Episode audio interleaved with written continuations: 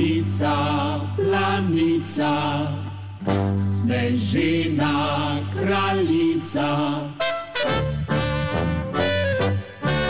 Планица, планица, снежина, kraljica, le kdo je ne pozna, lepoto i snega. Jeg vet ikke hvor mye vi skal spille, Halvor, men uh, det her er jo uh, deilig å høre på. da. Det er, det er ingen bedre følelse ass, enn å få den der ut på, ut på sletta og bare Ja. Ja, nei, Vi fikk vel begge den i, i dag. Det, Jeg, jeg, jeg var sånn ultimat partypooper. Eh, nesten, i hvert fall. Jeg hadde to hopp på 229,5. Ja. Ha, halvmeteren bak ei, og få sang. ei, ei, ei. Fikk heldigvis en over, da. Men Ja. eh, Nei, altså Det er jo da Planica-hymnen som blir spilt når man hopper over 2,30 her i, i Planica. Så um, ja, det, vi befinner oss jo nå eh, i, i Planica, sånn eh, ganske tydelig her, Alvor. Hva, eh, hva har du på Planica? hva jeg har på Planica eh, Nei, det er vel Slovenias eh, sånn vintersportsmekka og ehm, Ja, jeg vet ikke hva Det er ganske tett på Østerrike og Italia. Man kan fly til enten Gras, Venezia, Lubliana Det er omtrent like langt. Så det er, det er veldig kort vei til måte, norddelen av Italia, f.eks. Og ja, det er vel egentlig ikke sånn Det er veldig, veldig, veldig, veldig flott. Det er så mye mer. Ja, veldig vakker eh, dal her, altså det dalføre med de sinnssyke fjellene der bakken ligger. Og så hørte jeg, jeg har sikkert hørt det før, men eh, at tilløpet nesten er i Italia. Altså toppen på tilløpet. Oi. Og det visste jeg ikke før jeg hørte det i dag. da. Eh, så det er jo stilig. Eh, ellers, da, sånn eh, hopprenn og historisk, hva, hva forbinder du med Planica? Mm, nei, det blir jo skiflyging, da. Verdensrekorder og Bjørn Einar Rommeren, tror jeg. Mm.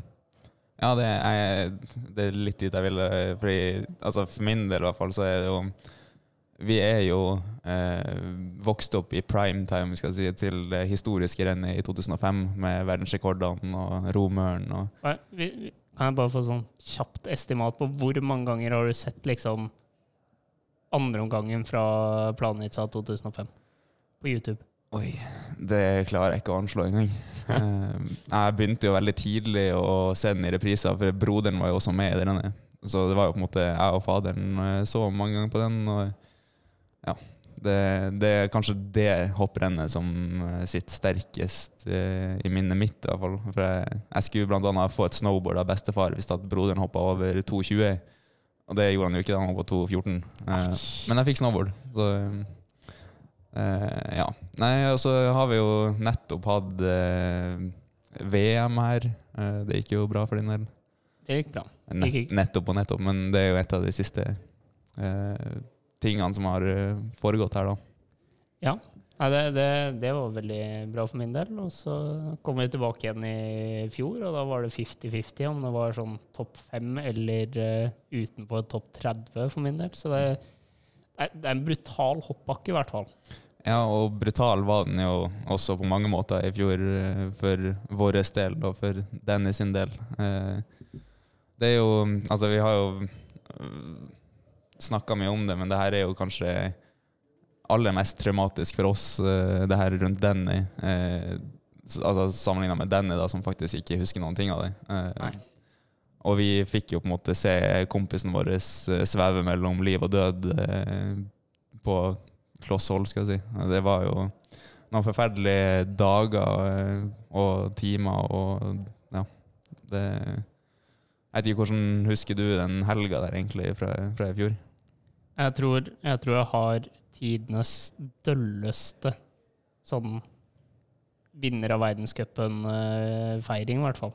Mm. Først så vant jeg verdenscupen covid-syk i en seng eh, på isolasjon i Oberstdorf, og så skal du liksom feire, feire en helt utrolig sesong, og så ofrer du det ikke liksom, altså du Ingen av tankene er på det.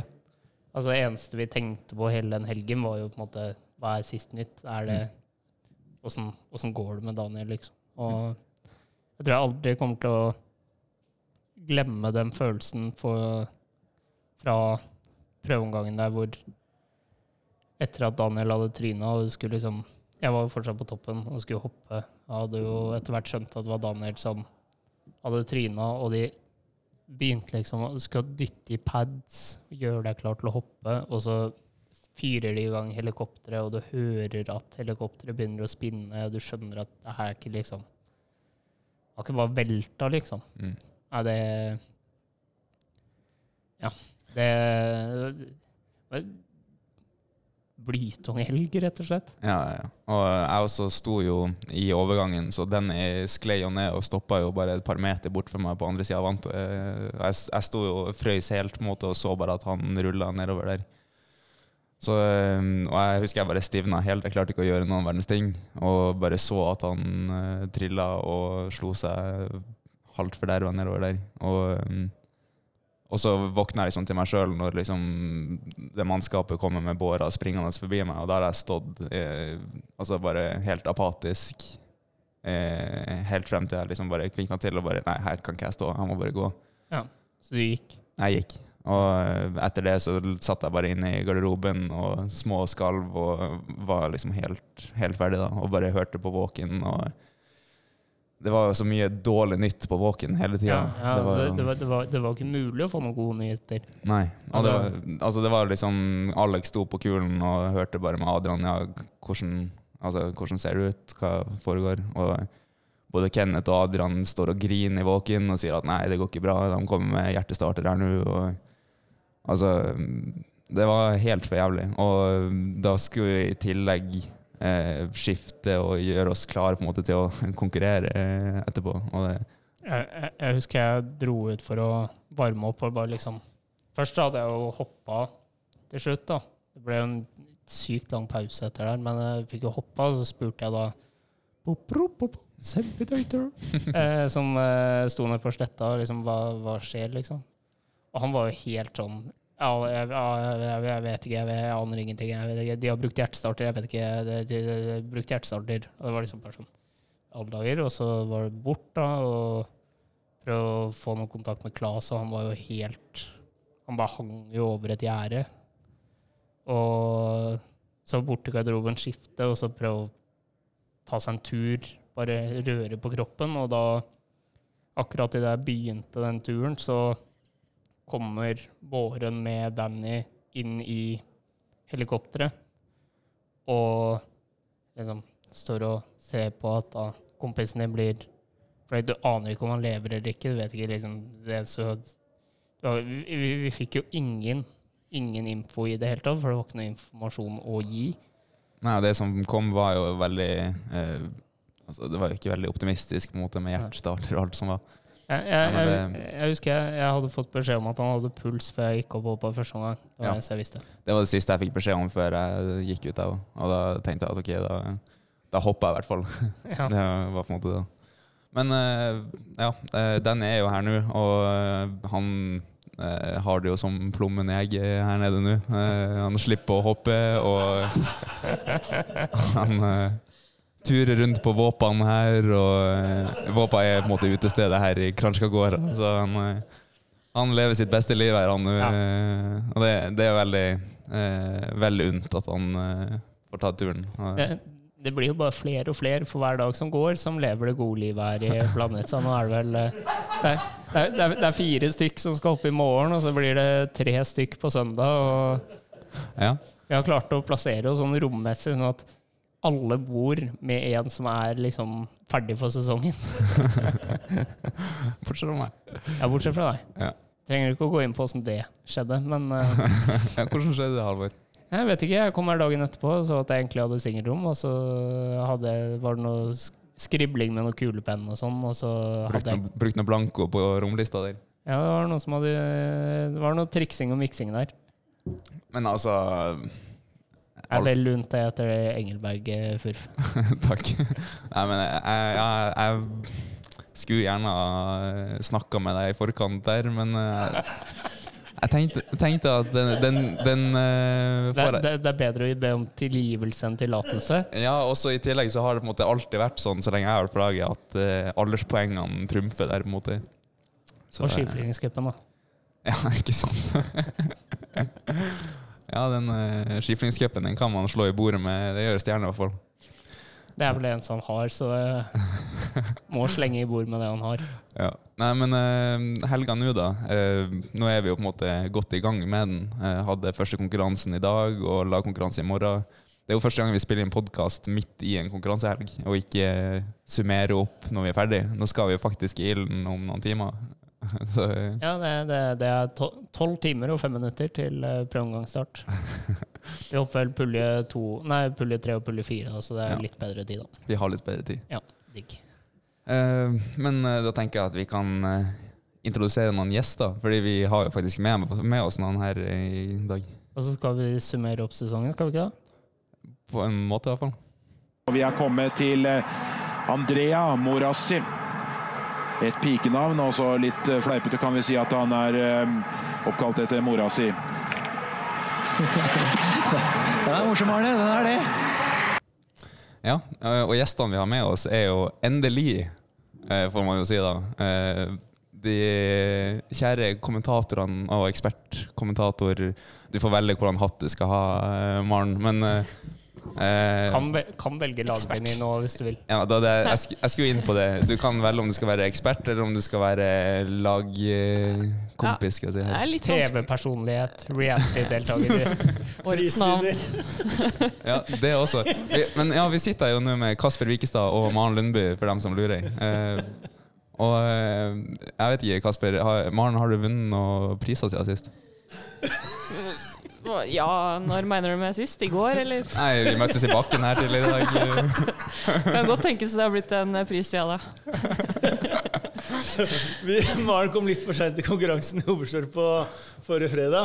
For hun skulle takke på Teams for en pris hun hadde mottatt Det var på, nei, det var på lørdag. på lørdag. For det er tross alt ikke hver dag man mottar pris. Men det er jaggu ikke langt unna.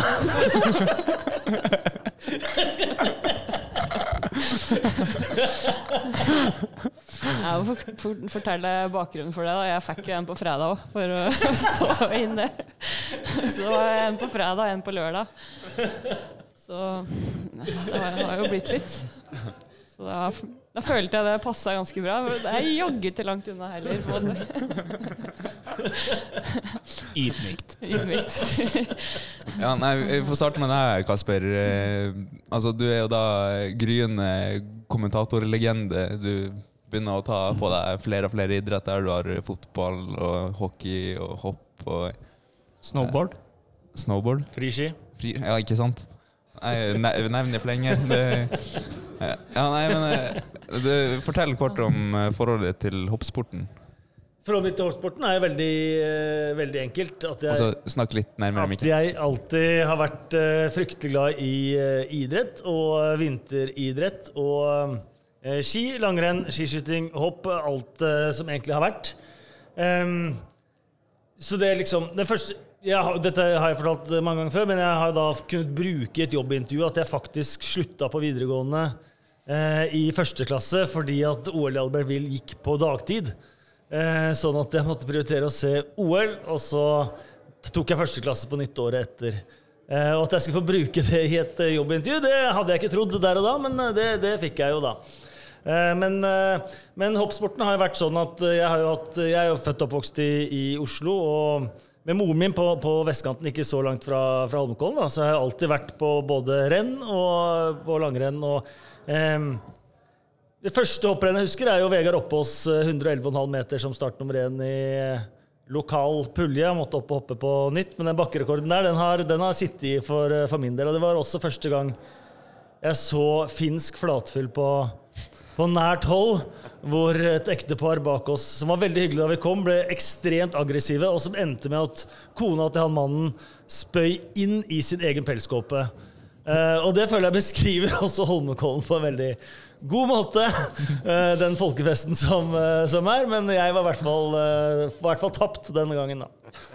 Så, og da bestemte deg for å bli kommentator i hopp. Ja, det var min eh, drøm, egentlig, å bli kommentator på eh, Jeg hadde tatt hva som helst på den tiden der, altså. Men eh, da hopp kom på bordet at man kunne få muligheten til det i TV 2 for Er det fem år siden? Da du havna på femteplass i Engelberg? Det var vel Fem, seks, fem år siden? 17-18. Ja, det kan det ha ja, vært. jeg tror det var, jeg tror det var 17-18. Ja. For det, det gjorde at det ble sånne OL-greier. Sånn 17. Jeg var i hvert fall veldig, veldig på at eh, jeg ønsket eh, det. Ja. Og det fikk jeg heldigvis. Ja, det syns vi er veldig bra. Mm.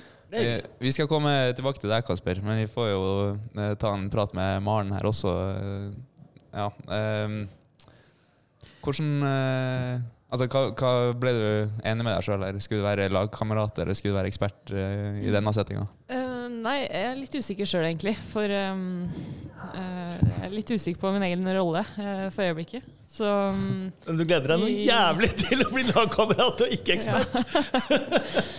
ja, det, det, har vært, eh, det har vært tungt nå å henge rundt med Viaplay-folk her i en god stund. Og altså, jeg trodde jo egentlig at det var sånn passe på opplandslaget. Og så, etter å ha liksom stått i mix-zone sammen med Kasper og Brede i uker her, så var liksom da jeg begynte, først skjønte at jeg, fader, ass, jeg må tilbake til Oppland.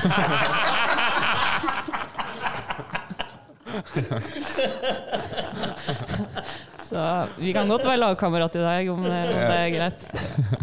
Jeg, jeg, jeg tror ikke du har noe valg etter det der. Nei. Nei, får gjennomgå. Men der, der er det jo ganske harde, da, har jeg merket. Det er, det er, det er veldig hard melding i alle mulige retninger, føler jeg, med, mellom dere. Og det virker jo som dere har det ordentlig trivelig på tur, da. Ja, jeg syns det er i hvert fall som eh, kan melde. Jeg vet ikke hva du sier, Kasper, men eh, jeg, tror, jeg tror vi har det artig, ja. Ja, Det er veldig få hyggelige ord som utveksles, men det er eh, veldig trivelig allikevel. Det er noe i det. Ja, altså, dere har jo en veldig sånn fin dynamikk, syns jeg. Altså, det er sånn som når vi kom inn her, og dere satte dere ned, og det var ei ugle på peishylla her, så det er en sånn automatikk i det der at du, du henta ugla, Kasper tok opp kamera, tok bilde av deg. Altså, det er liksom, og man ser jo det, det pumpes jo ut her på sosiale medier. Ja, Kasper blogger mye. Det er, jo, det er jo det som har blitt rollen min, å gå etter Maren og ta bilde av henne når hun skal posere. Ja. Og Kasper har jo merka at han får følgere av det. Og så har han begynt å, ba begynne å bake boller og sånn om kvelden og legge ut det. Da, da forsvant noen følgere. Gjorde ikke det, Kasper? Jeg registrerer at jeg hadde ganske mange flere følgere enn deg da vi startet denne sesongen, men da du Ja. begynte å legge ut Ja. bilde av det vi holder på med, så har du tatt meg igjen. Ja, ja men uh, min teori er at uh, følgere har begynt å følge meg i stedet for i deg. På får- samme Jeg har ikke svar. Ja, nei, vi koser oss. Det er god stemning. Og jeg tipper det er litt sånn at vi er såpass trygge på den at det, det som, det som eh, meldes, er eh, Det trenger ikke å være så positivt, men vi, vi mener det godt. Det er faktisk sant. Eh, Hvordan, hvordan er det å ha Maren med? da? Altså, hvordan har du blitt kjent med, med henne? Eh, helt seriøst, fra et sånn eh, TV-perspektiv, eh, så må jeg si at eh, det Maren har kommet inn med, er helt, helt unikt. Det er noe av eh, det eh, beste jeg har opplevd i min tid i TV, å komme inn og ta en rolle på den måten som, som Maren har gjort. Både trygghet i sin egen rolle, faglighet i formidling og uh, formidling. Både fag og, og det som er TV-messig. For det er, ikke, det er ikke bare å sitte og være fag når du skal formidle noe på, på TV. Du skal ha en hel pakke. Um, og man er jo alltid usikker på nye mennesker man skal jobbe sammen med, men det Maren har gjort det, denne sesongen her, vil jeg faktisk påstå er helt, helt unikt. Og det er eh, Jeg tror nesten ikke jeg har opplevd Eller jeg tror faktisk ikke jeg har opplevd uh, maken. Hvis det skal være noen som er i nærheten, så er det faktisk Andreas Stjernen. Så de, de to som eksperter Han måtte bare nevnes. Ja, men det- men det mener jeg helt er seriøst, Stjernen er jo ikke ny. Nei, og det, Stjernen har jo holdt på med dette her en stund, men, det, men måten uh, Maren har, har gjort dette her på, uh, det er faktisk så enormt at det vil være et tap for formidling av hoppsporten at Maren skal begynne å hoppe igjen.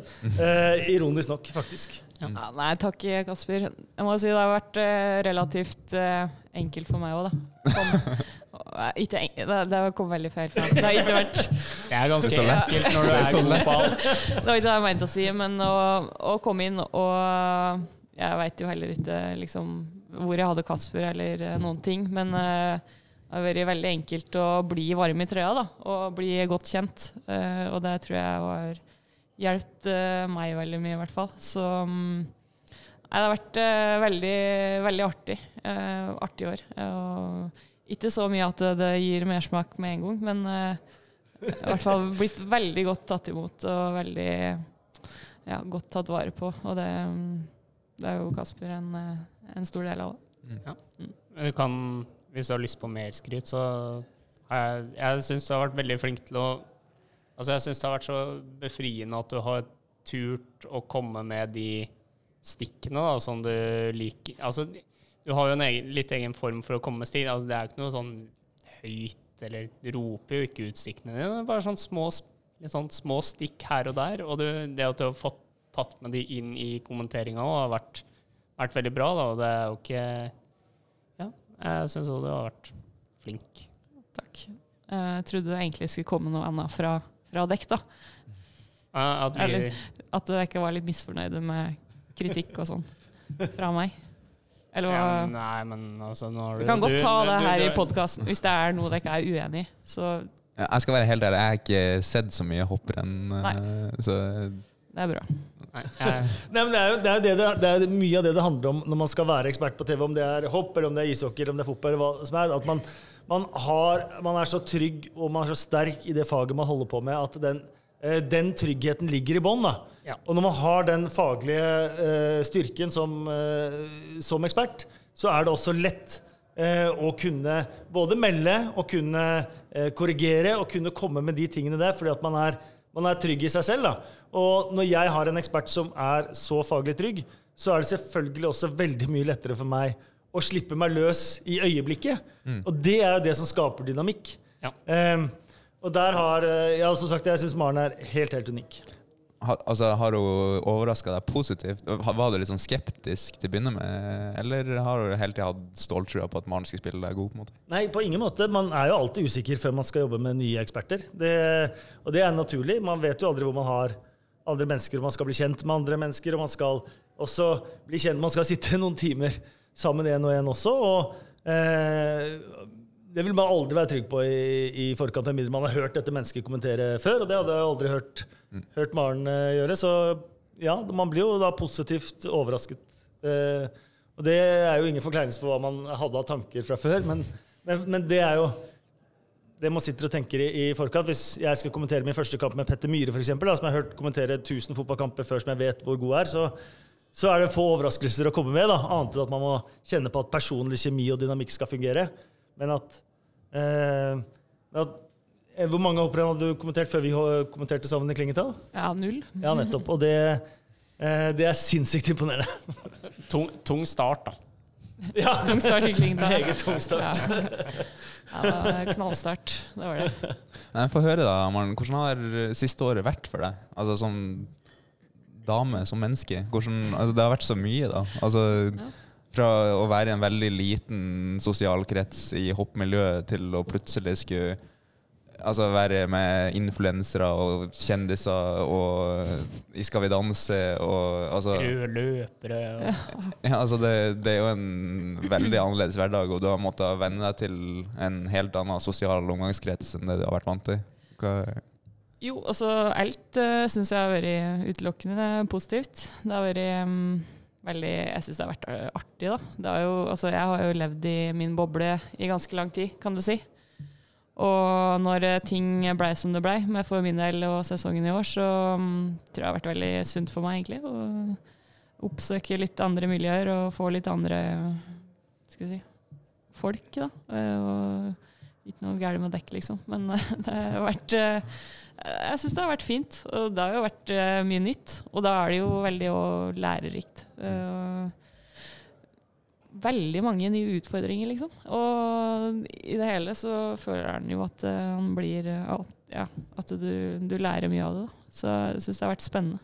rett og slett. ja, altså, sånn Sett utenfra så virker det som du har vokst veldig som person på det siste året ditt. Og nei, altså Klas har nevnt i podkasten tidligere hvordan du var på TV eh, når du først skulle prøve deg på TV. Altså, når Ja. du var jo Vi, ganske ung. vi kikka litt på det her, faktisk. eh, Fra ungdomsskolen? For et par timer siden på Maddan.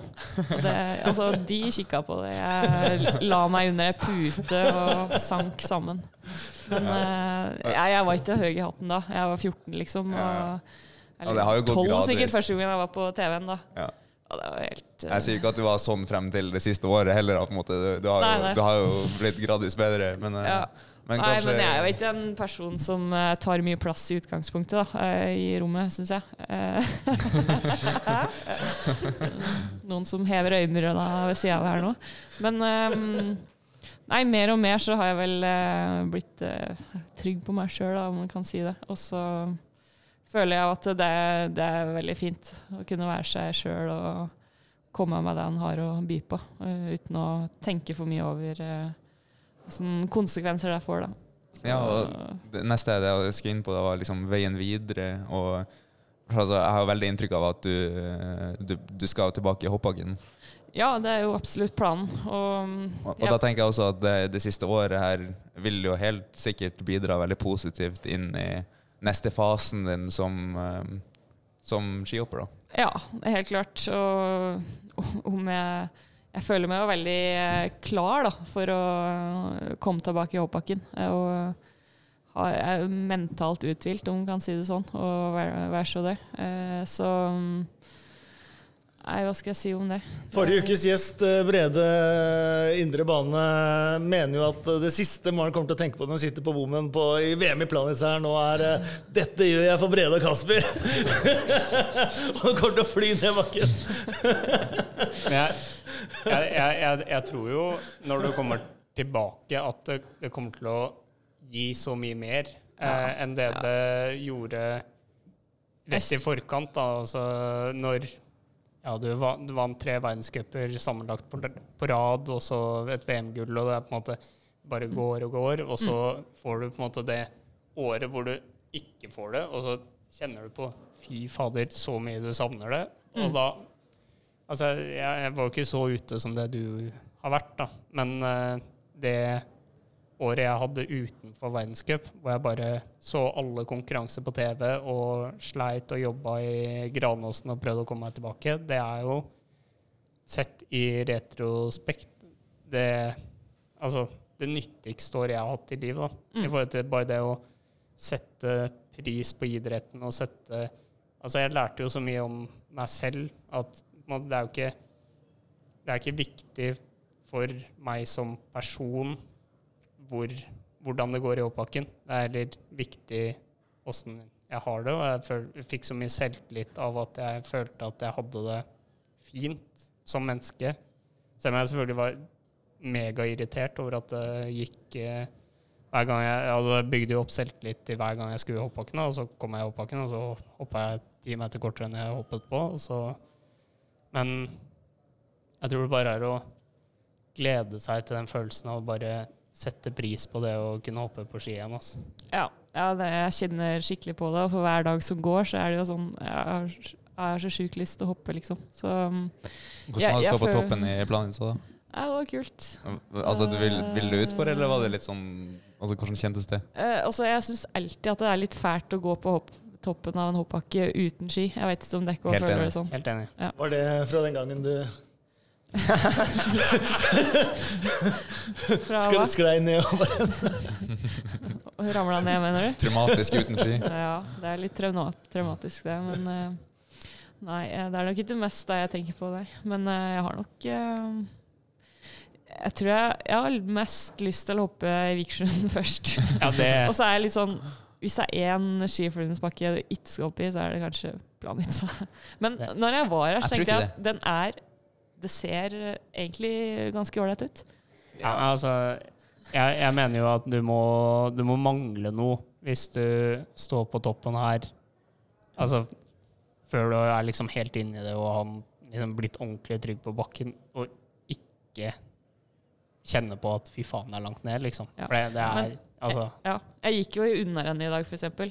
Og bare å se liksom kurven og alt det sånn, Det ser jo så lekkert ut. På en måte. Ja, men altså men, hoppe der, da. men det er jo Altså, jeg kunne ikke tenkt meg å gått en befaring i bakken før jeg skulle hoppe, liksom. Jo, men Eh, det tror jeg hjalp for meg, altså. Ja, Nei, nei, altså, det ville bare rota til for meg. Og, det- og det er liksom sånn Jeg husker jo eh, fra Hvordan år var det? Det var sikkert 16-17, eller iallfall Hauger og Stjernen.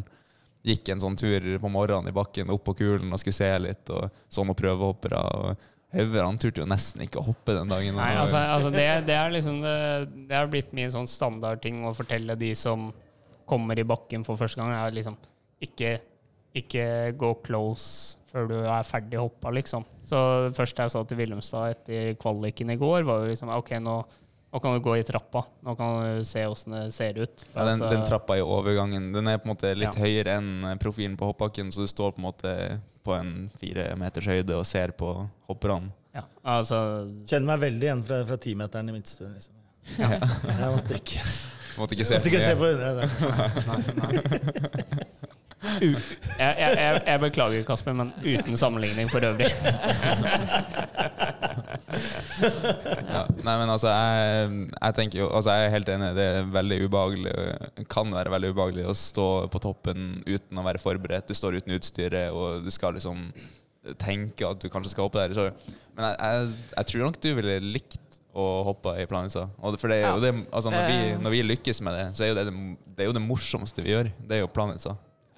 Ja, det ser rått ut. Jeg må bare få si at det er utrolig stor ære for meg da, å være i samme rom som uh, de to mestvinnende hopperne i norsk hoppsports historie. Det er det. Ja. Havre Egne Granerud og Maren Lundby. Og nå kom oh. du inn Andreas Stjernen Idet kom inn her. sier det, kommer faktisk Norges minstvinnende skihopper inn døra. Andreas Stjernen. Velkommen. Det var hyggelig å få han her òg. Han har vunnet den lille kula, da, Halvor. Ja, den bitte lille. Den bitte lille kula. Nå går han att. Ja. Ja, ja. Ja, Nei, vi beklager forstyrrelsen der, altså. Det var uh... det var Andreas som kom og henta publikum her. uh, ja, hvor var vi igjen? Nei, jeg tror vi var på at planet er stor og skummel, og at du i, ikke bør uh, se altfor mye hopping her hvis du skal hoppe i umiddelbar uh, Ja, og så var vi, tidsnærhet. ja, og så var vi jo da Og at det er absolutt på tide nå at folk kommer til fornuft, og at, uh, og at begge kjønn hopper uh, skiflue neste sesong. Det er Ja, det er jeg enig i. Og, og, og der vil jeg faktisk Der vil jeg si at det er Altså soleklart best å begynne i Vikersund. For der er Altså, skiflyging er noe annet enn skihopping. Og det er, det er så mye erfaring som må tas inn. Da. Du må lære mye. Noen tar det bare med en gang, og andre bruker flere år på å lære seg å hoppe skiflyging. Og da er det veldig mye bedre å begynne den læringskurven i Vikersund enn i Planica. Ja, Vikersund er på mange måter Altså Det føles på mange måter bare ut som en storbakke. Og så når du kommer på en måte litt ned i unnarennet, så er det bare masse mer unnarenn igjen. Eh, Ja. Du har liksom ikke den Sånn som i Planica, så blir du kasta ut i fritt fall. Og så, altså Den er litt annerledes i år, da. Men eh, tidligere i hvert fall så har det vært liksom fritt fall-følelse. Og Du, du gikk ganske, ganske høyt i andre omgang. jeg, jeg fikk det faen meg til i dag òg, men, eh, men eh, ikke langt eh, av den grunn. Åh, det må jeg spørre om. Når Ja. du sitter på toppen der, det er masse fart, forholdene blir gode, og så kommer pip, pip, pip. Og så tenker du ah, ned én bom. Jeg har fortsatt masse fart. Det er gode forhold. Den tar jeg. Så kommer pip, pip, pip. Hvordan er følelsen der, da? Ja, nei, altså jeg, jeg blir jo i utgangspunktet glad når bommen skal ned, for da vet at det er fine forhold, og de forventer at jeg skal hoppe langt. For de går jo ikke ned på farta hvis jeg, de ikke tror at jeg blir å uh, altså, takle det. Uh, men uh, Nei, altså Etter hoppet mitt så, så tenkte jeg at det skulle egentlig ha gått enda mer ned på farta. For jeg følte jeg fikk altfor mye høyde altfor tidlig, og begynte å på en måte Jeg fløy ikke noe effektivt. Så jeg ramla veldig hardt ned og fikk ikke til å sette nedslag. Det var liksom bare tull hele hoppet. Og jeg ble egentlig mer forbanna etter hoppet når jeg kjørte utover sletta, enn ja, altså, burde jo på en måte vært fornøyd med et Tenk deg om du stått på de to bommene, da. Så 254 meter. Nei, Med, med, med, den kurven der. Åh, Ja, men det er liksom det. Vi vil ikke hoppe så langt med høy fart. Hvis vi skal hoppe langt, så vil vi gjerne ha så lite fart som mulig. Eh, for det hadde jeg stått på Jeg vet ikke hvordan bom jeg var på der, sånn bom 15 eller jeg, tror, jeg tror jeg starta på 16, ja, og så endte du på 14. Ja. Og hvis jeg da hadde skulle ha hoppa derfra med altså, superforhold og Det hadde vært altfor høy fart, og da hadde man ødelagt seg, på en måte. Men du kan hoppe veldig langt med Altså si fra bom 14, da, eh, med rette forholdene, eller enda lavere fart også, med enda bedre forhold. Så er jo det det optimale. For det var ikke helt rette forhold i dag. Nei. Nei, jeg, som jeg sa, jeg fikk Ja. veldig mye høyde veldig tidlig. Mm. Og så var det liksom ikke noe å lene seg på i slutten av svevet, så jeg ramla veldig hardt ned. Jeg, jeg, så vidt jeg skjønte, så var det riktig forhold på de tre første i prøveomgangen. At det da var, Da var det veldig riktig forhold. sti, stille over kulen Ja. og masse oppdrift i bånn. Ja. Og det er jo sånn kvalikhoppet midt i går, da. Så er det en del opp ut, og så er det mer side i bånn. Så da, da gikk jeg jo sykt høyt og ramla ganske fort ned. Og det, det var jo ikke noe ikke noe svevkurve for å sette nedslag på 240. Og jeg har jo satt Jeg har ikke satt nedslag på 240, men jeg har satt nedslag på 239,5 der med null problem, med en helt annen svevkurve. da. Og den, den svevkurven er egentlig det viktigste i for lange hopp. da. Så er du avhengig av den lille ekstra hjelpen i bånn, sånn at du får flata ut. Det derre siste løftet som er Ja. fantastisk å se på TV. Ja, ja.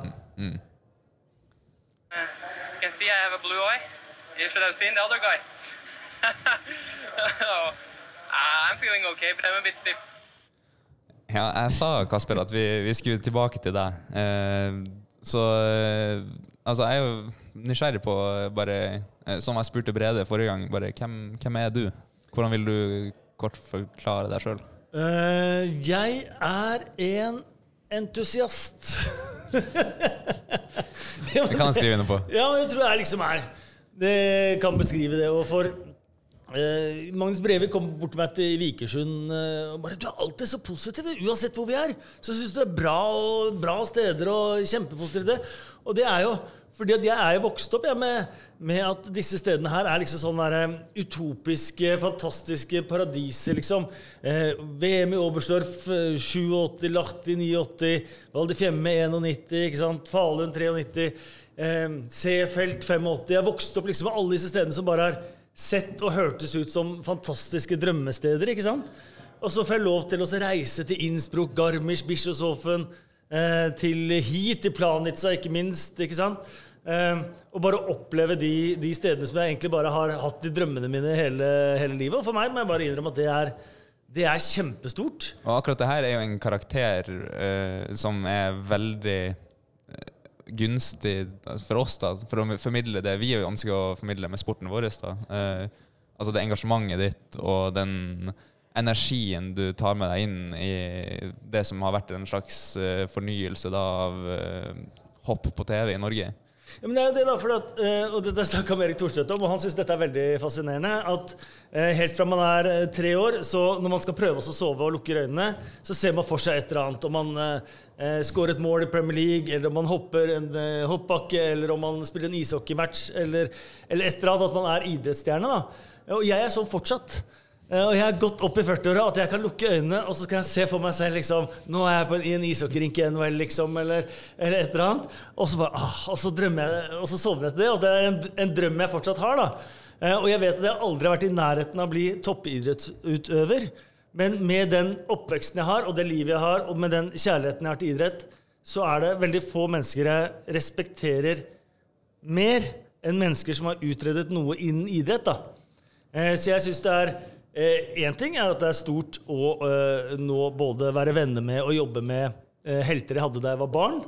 Jeg syns det er stort å jobbe med eh, sånn som Mar Lundby, Andreas og sånn som eh, som er idrettsutøvere nå, nylig har vært idrettsutøvere. Og jeg syns det er stort å jobbe med, med dere, og jeg respekterer det ekstremt det dere har utrettet i deres karrierer. da. Eh, så for meg så blir det hele veien veldig spesielt, og noe som, som jeg som jeg beundrer, da. Eh, det dere har fått til med, med deres liv. Eh, og som jeg på en måte har beundret siden jeg var tre år. Eh, og som på en måte har fulgt meg hele livet. At, at det er Ja, jeg blir entusiastisk av det, da. Så entusiast tror jeg er det som sånn sett beskriver meg aller best. sånn sett da. Deilig da å kunne jobbe med det som engasjerer. Så For meg er det drømmen, da. ja. Eh, det var mye mer realistisk å bli kommentator enn å bli toppidrettsutøver. Hadde du noe tidlig idrettskarriere som du Nei. Ingenting? Nei, fordi og der Dette faller meg til gode, ikke sant? Eh, fordi at da eh, OL Albertville gikk på dagtid, så dro jeg hjem fra skolen, og så skulka jeg skolen i to uker til jeg gikk over i fravær alle fag, og så måtte jeg gå, eh, gå, gå førsteklasse på nytt. Og det er litt det samme. Eh, jeg spilte fotball, jeg spilte på lag, og jeg drev med annen idrett og sånt noe. Eh, men hvis valget var å gå inn og så se på, eller ut for å bedrive, så gikk jeg inn for å se på. og det har jo tjent meg godt i det voksne liv, da. Ja, ja. Det ble karriere ut av det. Det gjorde det. det, gjorde det. Maren, da, hvordan eh, har du blitt kjent med Kasper? Og altså, Hadde du noen forventninger, og hvordan svarte han til forventningene? Altså, Og, og, og et tilleggsspørsmål. Ja. Er han like entusiastisk hele tiden? Ja. Eh, først Jeg svarer på det siste først. Eh, svaret er ja.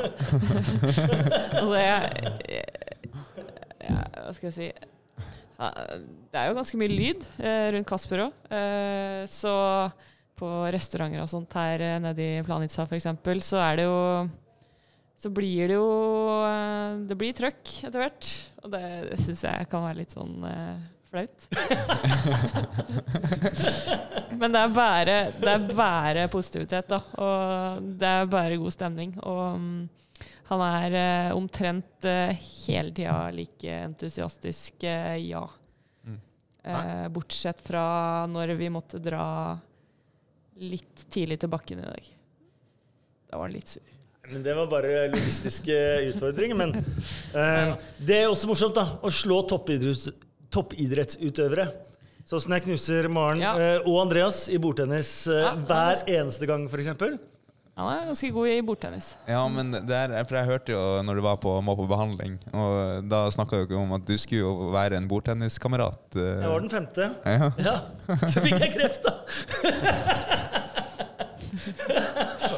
Det var uflaks. Og, s- og så flirer du. Det, Ja, det er det. Nei, men det sier jo litt om åssen Kasper er, da. Det er jo alltid godt humør, og det er eh, stort sett alltid god stemning. Og eh, vi leste jo på sosiale medier her i stad Kasper Glisestad. Eller Fnisestad. og det syns jeg er ganske eh, godt beskrivende. Så veldig artig gjeng å være sammen med, rett og slett. Det blir sikkert litt vemodig da når det blir slutt nå etter sesongen. Ja, eh, det gjør jo det. Eh, Takk, takk. Eh, Men målet er jo at den gjengen her skal være å se på andre sida av gjerdet neste år. Og at, at jeg får lov til å reise litt rundt i verden med dem uansett. Og så er jeg jo ikke altså Jeg må jo bare si at jeg har kjempelyst til å være tilbake i hoppbakken. Og Mm. jeg prøvde jo alt jeg kunne i år òg, og så veit jeg liksom ikke om jeg, om jeg får det til, til i år heller. Men uh, sjansen er i hvert fall litt større. Og da hadde det vært i hvert fall veldig kult om uh, Kasper hadde sittet i bua, Brede hadde stått på sletta, kunne meldt litt til hverandre der òg. Ja. Har, har du da liksom tenkt åssen du skal melde til Kasper mens du sitter på bommen da? Liksom, Eh, det har hun faktisk. Eh, fordi at når hun kommer ned på sletta i Planica, så kommer det to fingre. Til kommentatorbua. Det er sånn, ja. Bare, bare komme utover sletta der med to fingre som dirigerer Planica-sangen. Ja. Nei, så takketalen blir vel noe sånt som at eh, tenk at jeg klarte det her. Ikke på grunn av dere, men på tross av Kasper og, og Brede. Men, men er han en sånn fyr som kommenterer alt hele tiden? Liksom? Er det sånn Og nå går de inn på midtgangen i flyet, sete nummer tre Blir som verdens minste fortelle kommentatorboks. nå skal jeg fortelle om sete nummer 3A. Nei, skjerp deg. For, for dere har drevet og fløyet litt sånn business og sånn. Det er ikke noe, det er ikke noe smågreier? Det var én gang. Det var én gang. Bortsett fra at da uh, Maren skulle ned nå til, eh, til, til Oberstdorf, eh, så snapper hun til oss at hei, business igjen, og det er veldig bra. Og fotografen kjører business, og ofte gjør fotografer det fordi de har så mye bagasje, sånt, så det er billigere enn å ta overvekt og masse bagasje og ta business. Eh, enn å betale for all, Og bagasje. Og fotografer har ofte det. Så eh, fotograf Andreas han satt fint på business. Eh, Og det her hadde jeg fått beskjed om. At uh, Andreas skal kjøre business, og du Maren, du må dessverre sette deg litt lenger bak. Men det er bare for at han må ha med seg kamerautstyret sitt, da. Uh, og så fikk jeg jo billetten min, og der sto det 03 0A. Og da tenkte jeg ja, det er vel 03, så 3. Så jeg satte meg på business nok en gang. Nok en gang. Nok en gang. og vi fikk fine snapper fra da på business.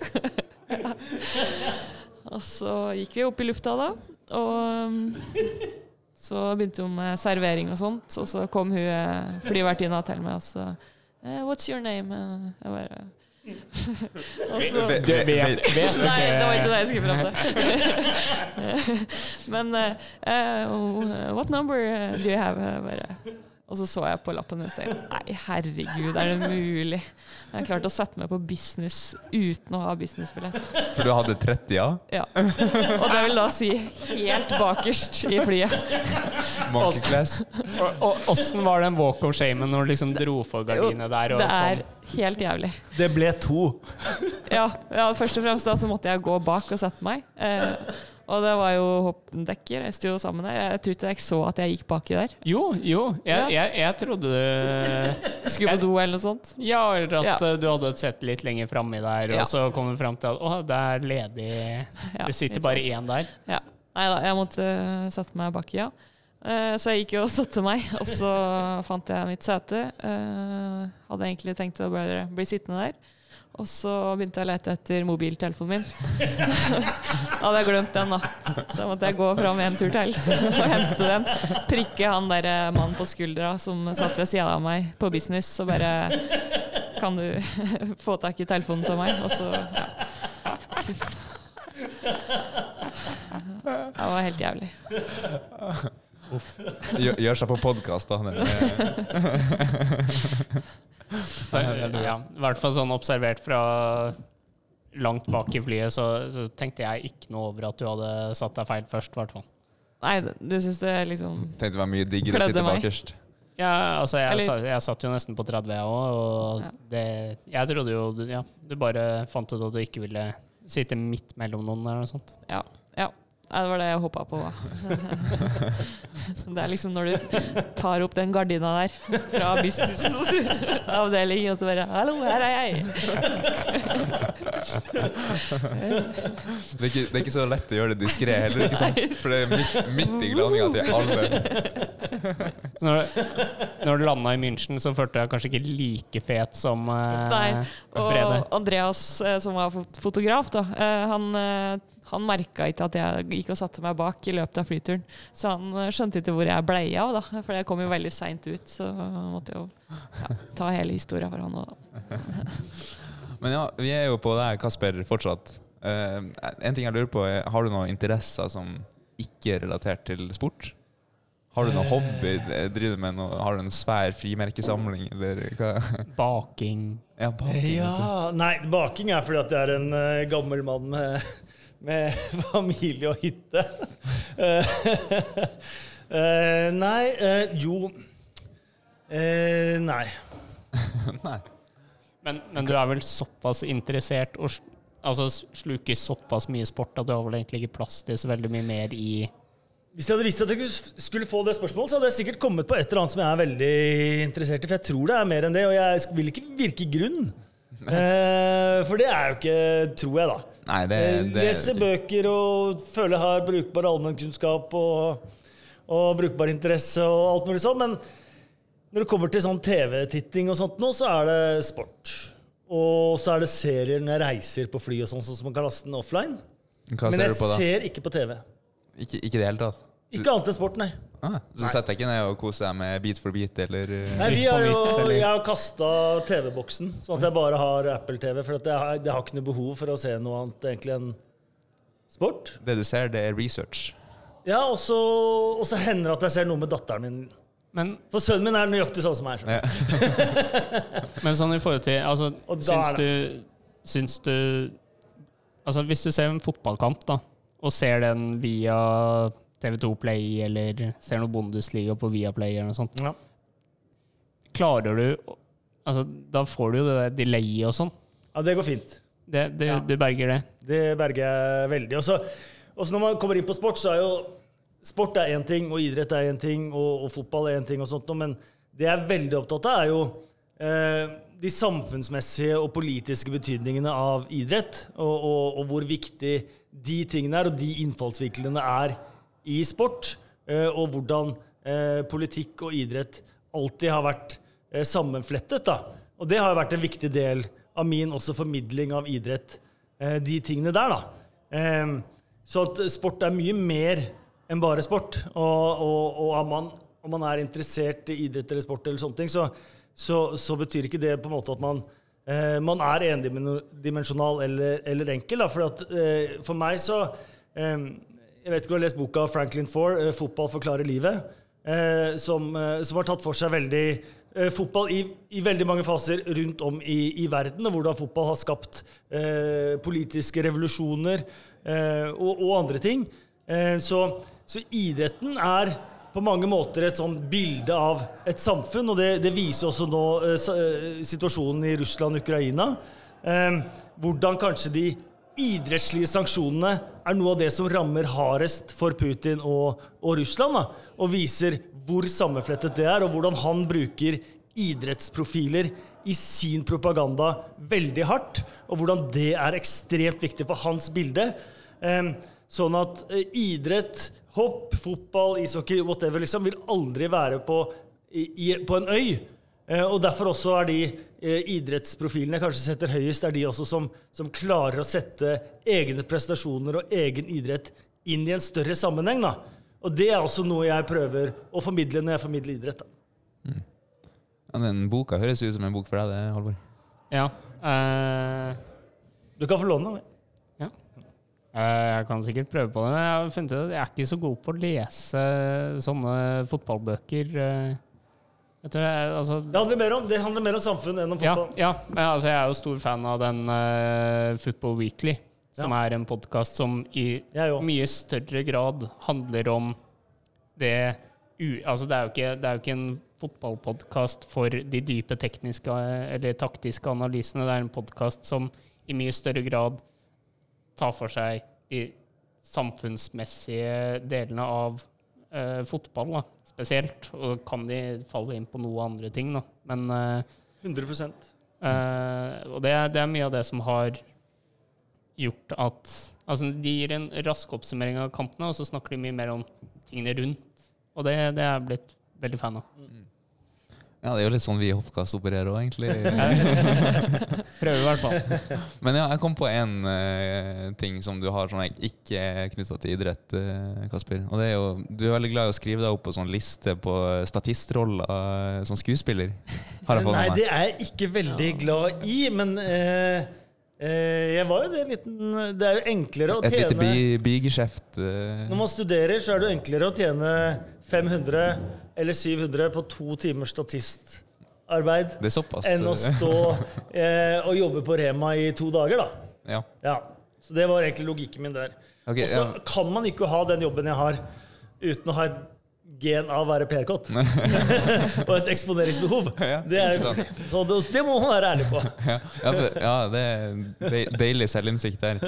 Men hva um, Altså, fordi alle de statist... Eller alle, jeg vet i hvert fall om to uh, statistrollene dine. Var det i samme perioden? da? Nei, uh, Hotell Cæsar var uh, Det var den. 500 uten replikk, uh, 750 med replikk. Ja. Og det var aldri mer enn to-tre timer, egentlig. Hadde du Eh, den lenge? liksom? Var det over ja. mange episoder? Ja, ja. Okay. År eller to. Ja, Da har jeg jo garantert sett Jeg så litt på Ja, ja. Hotell Cæsar opp igjennom, skjønner. Jeg var uh, kelner på Cleo. ah, okay. Ja, ja. Vi har jo Tom Hilde også, har jo vært eh, Men han var mer som seg selv, var han ikke det? Eller var det? Nei, han var en uh, blomsterleverandør. eller altså, han kom fra Interflora eller noe sånt med, med en bukett til rosenkrantz. Ja. Og så var du med i Linus i svingen. Da. Ja, men den lagde jeg jo, på en måte. Eh, Jeg var jo innspillingsleder-assistent gjennom hele produksjonen der. Ja, yes. Eh, Det var det dårlig var- research av meg. det, Så det var to og et halvt år med jobbing fra tidlig om morgenen til sent på kveld. For den gikk jo langt over egentlig Hvis du ser på slutt Heller på noen episoder da, så har jo barna eh, kostymer som går til midt på leggen, for de har vokst så fælt. For det var så innmari eh, lang opptaksperiode. Men da var det også sånn at eh, alle vi som jobba i produksjonen, eh, fikk ha en liten, eh, liten statistrolle med, med replikk, da. ja, ja. Eh, så i den, eh, akkurat den scenen jeg er med der, så er det han som har skrevet den, han Kjetil, som har skrevet hele, og så er det regissøren som kommer inn helt på slutten, Atle. Eh, og så er det han som, snekkeren, som har snekra alle, som er der også. Det.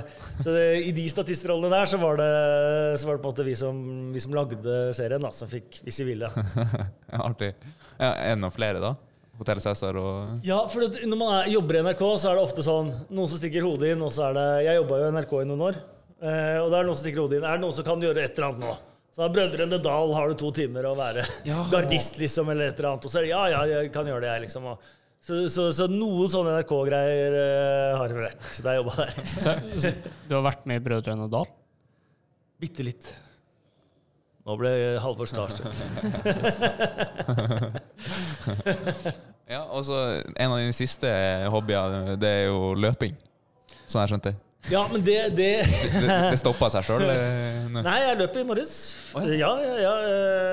øh, 40 minutter. Men øh, fordi at jeg har fått veldig vondt, litt vondt i knærne, da. Så jeg bare lurte på i morges er dette en unnskyldning for å ikke trene, eller har jeg faktisk vondt i knærne.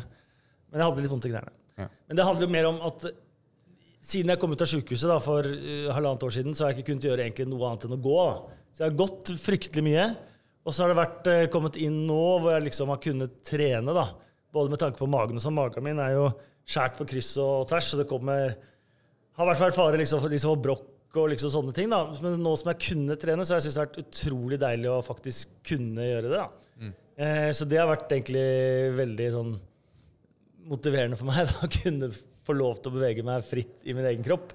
Ja. Eh, for det har jeg ikke kunnet på halvannet år. Så det har egentlig vært det, da. Ja, altså, Vi satt jo her i solveggen en av de første dagene og snakka, og da nevnte du det med at eh, du, du følte et behov for det fordi du hadde begynt å legge deg litt ut etter at du har Ja, det òg. Etter at du har eh, blitt heid på sånn mye for at du Ja. endelig kan begynne å spise og Ja.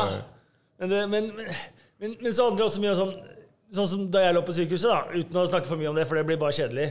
Eh, Så er det når man ligger sånn på sykehuset, så eh, for det første så eh, tenker man at man aldri kommer seg ut, og at man, her skal man dø.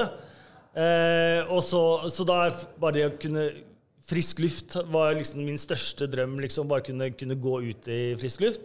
Men så sitter man og tenker liksom om alle de tingene man skal gjøre bedre i livet sitt hvis man overlever. da. Og det er jo og, det, og sånn sitter man jo og tenker. Og så kommer man ut, og så går det liksom et kvarter, og så har man glemt alle de tankene man hadde på sykehuset. Da, og så er det liksom tilbake i samme tralten. Og da er det litt viktig liksom også å prøve å ta tak i, eller holde tak i noen av de tankene man hadde da man lå på sykehuset og alt var så verst. da.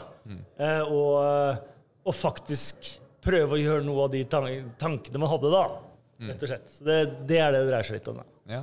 Men Så, altså, det, det høres jo litt ut som at du har fått litt overtenning på den løpinga. Ja, det går utover, utover knærne dine. Det var, eh, var bra kok på starten av eh, skal vi si, samlinga her. Vi var i Oberstdorf, og så dro vi rett til Planica.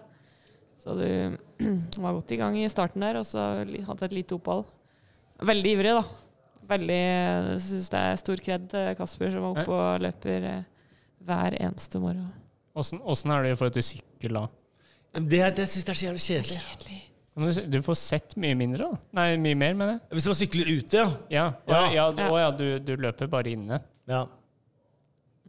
Hva er vits- vitsen med det? Men litt motbakke eh, funka bedre ute. I dag, ja. Ja. Ja, absolutt. Men altså, altså det, det må jeg jo si, det er jo knallhardt, da. Hvis du løper hver dag inne. Det, Altså, det, går ikke an. Det å løpe eller sykle innendørs, det, Det er ja, det Kjedelig, Jeg tok ikke med sykkelen til Planica, da.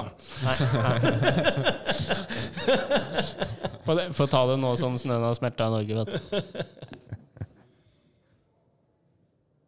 Oi, får jeg kysse deg? jeg er så glad! Jeg er så glad, Jon! Dette hadde jeg ikke trodd! Ja, jeg tenkte vi kunne gå videre på eh, den eh, Twitter-spalten vår. For vi har jo i dag også eh, sendt ut eh, spørsmål her på, på Twitter om eh, folk ønsker å bidra. Eh, Halvor, har du noen umiddelbart? Nei, jeg, jeg, jeg er helt blank. Jeg har, jeg har ikke Ikke forberedt deg? Nei, og så ser jeg at jeg tror ikke jeg har blitt nevnt heller, så da, da må jeg oh, ja. Nei, så, ja. min, min feil. Beklager det. Ja, Den er grov, Johan. Jeg ser det nå, jeg også. At Halvor er ekskludert, faktisk. Vi får starte enkelt. da. Petter Tenstad, hvem av dere eh, gjestene her nå er best på våpa? Har dere vært innom det? Nei. Um, time will show. Jeg heter? vet hvem av oss som er best der. Vi har ikke vært der. jeg, jeg, jeg tror kanskje jeg tar den, med tanke på at jeg har hatt en, eh, en, en helg hvor det kun ble kvalifisering i Planica. Så da ble det både dansing med Romørn og Muminov og Men er det den som er rett der oppe? Ja. For det Ja. tror jeg spiste lunsj med din far. Ja, det, det, det stemmer. Det, jeg, Det det- tolket, jeg, jeg så at dere var på Våpa ut fra bildet du sendte, så jeg tror kanskje det svarer på spørsmålet. Det var et voldsomt måltid med mat. det var sånn eh, Den koster 3 euro, den koster 2,50, den koster 4. Jeg tar sånn barplatter, jeg. Og så den koster 15, så jeg tror kanskje Jeg tar barplatter, jeg har bestemt meg. Ja, han, han, jeg, jeg- snakket med han om det, og han eh, hadde kommet frem til at det var nok kanskje en sånn tallerken med fingermat for fire personer. Antageligvis. Det så sånn ut. Ja. Nei, men Våpa er vel kjent for mer enn eh, gedigne lunsjporsjoner. er det? Jo, det er vel eneste utestedet omtrent eh, du finner her i Krasjagora, så det er jo Ja, der alle samles. Tusla forbi der i stad, og så jeg sa i hvert fall høyt at uh, her skal jeg ikke gå alene etterpå, i hvert fall. Det ser helt jævlig ut der, må hvis Ja. jeg skal si min Ja. helt ærlig mening. Ja, nei, men i, i 2017, da, da jeg hadde min sånn frihelg her, så var det jo noe som var uh, Våpa-kjelleren, hvor det var litt mer sånn diskotek. Der har det, jeg vært òg. der har du vært, da. Ja. Jeg trodde du ikke hadde vært Da ble vel svaret Maren. Ikke si det så høyt. I 2014 så hadde vi renn her, vi jentene òg, faktisk. Da det var uh, hopprenn i 120. Da den eh, store skiflyvningsbakken ble ombygd. Så Da- dere fikk lov å hoppe der. Ja, vi fikk lov. Det var vel da siste rennet til Bjørn Einar Romøren, sånn jeg husker. Det, det, Ja, det kan stemme. ja, da Riktig. kan jeg se på meg at da var han kongen av Våpa. Ja, Da var, Ja, da var ikke Våpan trygg. eh. Men eh, ja, vi går videre. Eh, Magnus Helle han spør hva slags kommentar fra Maren Lundby har fått Kasper til å rødme mest på denne turen her. Jeg blir mye mobba for at jeg er gammel. Ja, hva, spørsmålet var som har fått meg til å rødme? Eller Kasper? Hva slags kommentar fra Maren Lundby har fått Ja. Kasper Wikestad til å rødme mest? Oh, ja, da må jo du svare på det, Kasper. Ja, men Jeg husker ikke hva kommentaren var, men jeg husker at det er første gang i eh, vårt eh, halve år hvor jeg ble veldig flau i går. På grunn av meg? Ja, det var, men men det var en alderskommentar, tror jeg. Men jeg husker ikke helt hva det var. Oh, ja. Ja, ja. Men i går ble det så ille aldersmobbing at jeg måtte sette meg et annet bord med noen to østerrikere, faktisk. ja, du er ikke så gammel, da. Nei, så eh, ingen konkrete eh, Nei, jeg tror det er motsatt. Heller jeg som Hva, rødmer. hva du rødma da, Maren? Nei, det er høye lyder, stort sett, på restaurant og sånt. Li- Litt som, å, litt som å være på restaurant med foreldrene sine, liksom. At, Ja. eh, Nei, nå får du faen meg gi dere, ass!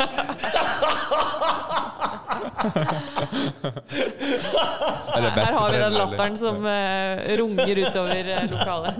Og jeg bare synker lenger lenger ned. og så Brede og i tillegg veldig høy latter. Magnus Selle, som stilte spørsmålet, var flink til å le. Han har den høyeste latteren. Ja, han har den kanskje? Ja, det har han. Ja. Ja, men fin gjeng, også. Ja, bra. Uh, ja, uh, Vibeke Lind her spør uh, hvordan forventningene til Kasper har vært i Planica altså, som første race, og hvordan har, altså, hvordan har det svart på forventningene dine? Eh, det har svart veldig bra. I dag har jo Heller, i dag kommenterte Andreas og jeg i T-skjorte og shorts. Og gikk rundt i T-skjorte og shorts helt til rennet var over. Og det Jeg vet ikke om det er gjort før. I en uh, vinterverdenscupvariant. Uh, for meg så var det Nei, hele planen er jo Det er jo helt vi, jeg, jeg var jo med eh, akkreditert som eh, NSF i Ja, i Vikersund. Ja. Ja. NSF eh, kvinner. Kvin- NSF Kvinner i Vikersund. Uh, og eh, det er spektakulært å se hopp i Vikersund. Eh, men det kan jo nesten ikke sammenlignes med å se hopp i Planica. Eh, så det var, uh, syns jeg har vært helt eh, fantastisk. Ja. Ja. um... Og så var det morsomt å se gubben til Vibeke Lind. da. ja. Han er flink til, å, flink til å hoppe på ski og, og fly i Planica. nå. ja, han har vært flink. Ja. Uh, Andreas Stjernen, det er veldig sånn intern det her i dag. men, uh, men han spør jo da uh, Halvor, har Hegli kommet seg ned på jorda igjen? Ja. Altså, han Det gjorde, jo det gjorde han vel ganske fort i Oberstdorf der, dag Ja, to, ja. egentlig. Ja, men altså, jeg, jeg, jeg, er så, jeg er så skuffet over hvor nedpå jorda han har vært egentlig hele, hele turen. Han er jo en helt ny mann fra Ja, det vi kjenner. Altså, det, det er jo, det er akkurat Jeg har sett det et par ganger før òg, at du liksom Ok, nå kommer det inn en som du vet at uh, har litt i kjeften, eksempel, sånn som Hegli kan ha. Så kommer de inn, og så kjenner du dem nesten ikke igjen. Og liksom, eh, de blir så ydmyke da, av å være på tur med Men det skal sies, der vi eh, står da under nå, nå sitter jeg stort sett i en eh, bu eh, akkurat under endene, men jeg går ned til Brede og Maren når de står i det som heter mixed zone, da, som er nede på sletta der de har TV-sendinger fra, der dere går forbi og enten stopper for intervju eller ikke stopper for intervju. Og i, i går så defilerte dere foran hele, eh, hele sletta, alle utøverne, gjorde dere ikke det? Det var i går? Ja. Ja. Og da står jo Heglis trener, eh, Andreas Stjernen, eh, i denne mixzone mens dere går forbi, og han er sånn «Ah, Bendik, Bendik! Og Bendik altså vasa rett forbi, så på telefonen sin og ensa ikke treneren sin engang! Det er det mest overlegne jeg faktisk har sett noen gang fra en utøver eh, med tanke på en trener. Ja, men de, de, de har et litt sånn spesielt forhold, de, der, de to. Eh, som, som også kanskje kom med til syne i forrige podkast. ja. um, Sebastian. Subnøyta. Han, sier at eh, dere har hoppa i mye forskjellig stoff i løpet av karrieren, og lurer på om vi kan eh, ja, Hvis dere skulle rangert utelukkende basert på utseende, hvilke fargekombo er deres favoritt? Nei, altså Jeg har blitt veldig glad i den blå og hvite, da. Ja, den har funka bra for deg. Den. Den, den har funka bra. Den er også. clean. Den er Men clean, Ut ifra bære farger, da. Sånn. Jeg tenker ikke så mye på det dekk, gutter. Jo, men en hvit og blå passer jo veldig bra til ski og, Og- til Ja. brilleglass Så han var jo veldig gjennomført der, spesielt i Ja. fjor. Ja. var helt blå og hvit. Men hva skjedde med å ha landslagsdrakt også på, på Ja, det- På ja, At det, Norge er rødt, Finland er blått, Mm. Østerrike er rødt, Der eh, var det vel noe sånn eh, Vi fant ut at aerodynamikk var Polen er viktig. hvitt. Så Ja, jeg vet. Men i gamle dager så var det sånn. Ja. Bortsett fra Olav Hansson, stilhopperen fra Røa. Han var den eneste i hvit dress, og da var hvit dress veldig, veldig spesielt. Han hadde hvit dress, og når han var ferdig med hvit dress, så hadde han pels. men eh, det var kanskje derfor han var stillhopper òg. Du ser mye mindre bevegelser og sånn hvis du har hvit dress. Og han var fra Han, var, han gikk som sagt i pels utenom, ja. og han var stilhopperen fra Røa, rett og Jeg hadde lyst på sånn sølvdress, ja. Hadde jeg ikke. Ja, Silverflighten. Ja, den, Men eh, jeg fikk det aldri. På starten av 2000-tallet. Den ble jo ulovlig, den. Vel, Ja. Den eh. Sven Hannavald og guttene herja i. Mm. Det ja, den hadde jeg lyst på å huske. Ja. Hadde lyst på ski av det, Sven. Hannavald, det. Men eh, dressen tenkte jeg ikke så mye over. Men eh, jeg er glad i, glad i blå kombinasjoner, faktisk, på dress. Ja, jeg fikk jo altså, min beste sesong i verdenscupen i 15-16. Da eh, fikk jeg tre dresser til eh, siste samlinga i Midtstua før vi dro av gårde til verdenscupåpninga i Klingenthal. Og jeg fikk eh, tre kombinasjoner som jeg, jeg var så misfornøyd. Altså, det var jeg, Det er en dårlig start. ja, jeg syns alle guttene fikk så jævlig fete dresser. Og så fikk jeg tre sånne Det så ut som det var bare noe restemateriale Vilberg hadde, hadde slengt sammen. Fordi den ene dressen jeg hadde, den var blå og sånn bronsebrun, sånn gusjegrønn farge. Men det, det er jo forfangdressen for meg, da. nå. Ja, men det er jo det jeg Du skal er fram til. gusjegrønn nå, da. Ja, ja, det Olivengrønn liker jeg å kalle det, da. Men, eh, men ja, altså den dressen endte jo med å bli den dressen som gjorde at jeg gjorde min beste sesong så langt.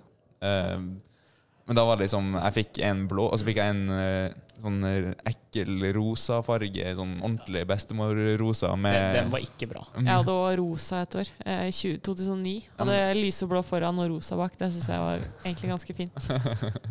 Men uh, heretter så Jeg syns helt svart, plain, rett fram Deilig. Ja, men det er liksom Det ikke fikk jeg sydd av Tom Hilde. Ja. Ja, Med Vikestad på armen, til og med. Ja, Ja. ja, Den skulle jeg ga jeg tilbake for å få auksjonert bort, men jeg tror aldri den har blitt auksjonert bort. Nei. Og jeg vet ikke hvor den er. Rart. Den burde jo kre. Ma ma mange priser var det du hadde vunnet? Det var ikke like mange som uh... Men uh, jeg syns jo Alexander Henningsen uh, Det må dere nesten bare gå inn på Twitteren til uh, Forfang og se, for å se den, den dressen han hoppa med da. Han hadde da blå høyrearm, gul vest, altså Overkropp. overkropp, rød venstrearm og grønne bein. Og altså, da han posta det bildet der, og fikk se igjen adressen dressen der, så var det bare sånn Stemmer. Jeg, jeg, jeg syns jo egentlig den var litt den var, den var sånn kombo mellom kul og stygg. Han la jo ved et bilde til der med Adrian ved sin side. I hopputstyr. Hvis du- Adrian som sto ved siden av der! du kjente han kanskje ikke igjen? Nei, nei, nei.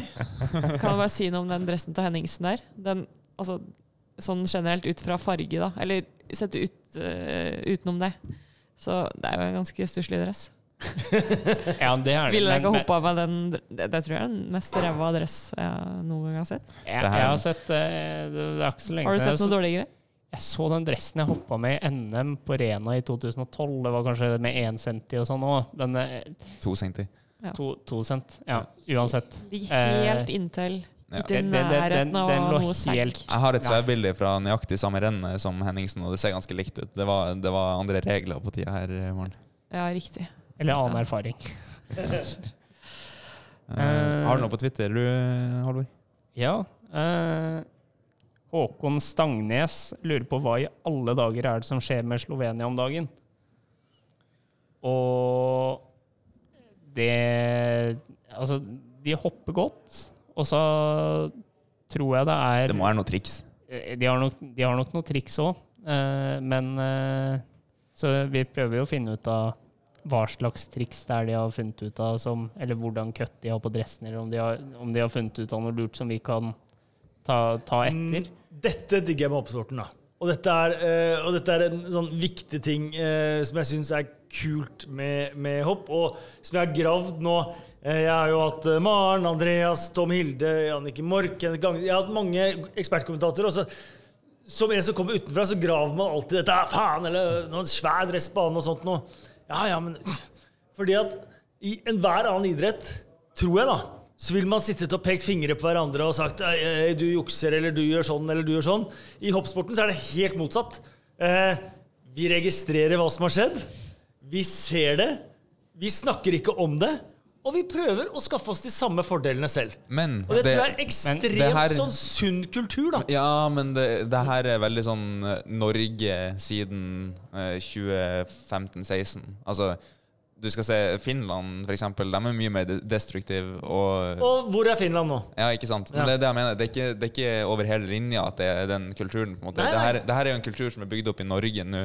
Eh, etter, etter at vi fikk Sport Science med Magnus Brevik i spissen. Og jeg snakker jo om den norske kulturen også, også her, da. For at eh, eh, hvis man sammenligner dere som landslag med mange andre landslag eh, rundt om, så eh, Ja, for meg så er dere spesielle, da.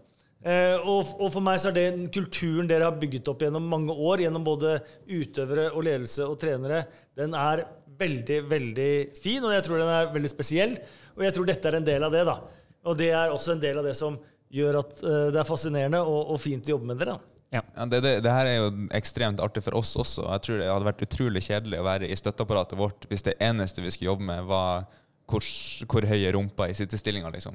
Altså, det, her er, det er en dimensjon her med å utvikle utstyr og finne ut hvor kan vi hente altså, ja, konkurransefordeler, i beste fall. Eh, altså det her er, det er jo det vi syns er det morsomste å jobbe med, og det å finne ut og få gjennombrudd på ting, og finne ut at det her var veldig mye bedre. Eh, og da når du begynner å finne ut av sånt sjøl, så begynner du på en måte å applaudere andre nasjoner når de får til det. da. Altså Det er jo jævlig irriterende, men vi er veldig glad i å være i den posisjonen sjøl. Ja, Også, så ser ut som Markus Eisenbichler har dr eh, brokk når han sitter på bommen. Ja, men altså, det, det, er, jo, det er jo litt uh, det er jo Jeg sånn kan at si det, ikke dere.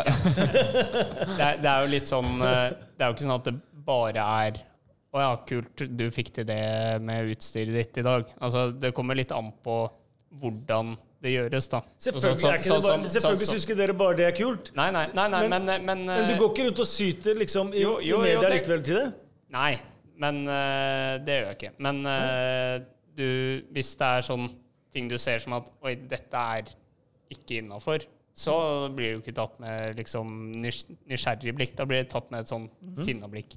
Men eh, sånn som med Slovenia, så er det ikke sånn at du kan se noe på dem som er Altså, det er ikke noe som er drøyt eller ser Åpenbart. ut. Utenfor regelverket, da. Så eh, for å svare på hva jeg tror i alle dager foregår med Slovenia, så er det at de har funnet ut av noe som er veldig lurt på utstyrsfronten, som de fant ut av litt i etterkant av hoppuka, eh, til Neustadt omtrent. Og eh, det har gjort at hver hopper har fått enkelte positive opplevelser som de har klart å bygge videre på, og så har du fått et lag som hele tiden opplever positive resultater. Eh, selv om hver enkeltutøver går litt opp og ned, så er det hele tiden to-tre som er helt oppi der og kjemper om pallplasser. Og det gir en sånn snøballeffekt, da, hvor du bare, det er god stemning i garderoben uansett. Vi har jo vært der selv og for, hvor, hvor ting bare funker, og det funker for hele laget, og det blir altså, Den beste plassen å være i.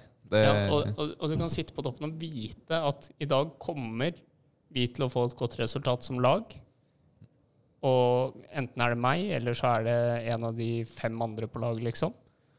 Og det er en det sånn, sånn, det det blir en sånn kultur, ja, det blir en sånn kultur hvor på en måte gode resultater avler gode resultater, Ja. måte, og så er man i en fin flyt. da. Og det, Og så, og så kommer du til en hoppbakke som er helt lik, bare litt større enn alle de andre hoppbakkene du trener i til vanlig, og så blir forskjellen enda større. blir forskjellen enda større, og du har eh, 30 000 gærninger Ja, som eh, fyrer opp, og bare er ordentlig i dytten, og du plutselig knuser uh, den tidligere rekorden i forhold til antall uh, worldcuppoeng tatt av ett lag på samme dag. Jeg tror de tok 356 poeng i dag, Yes. og rekorden vår er 315.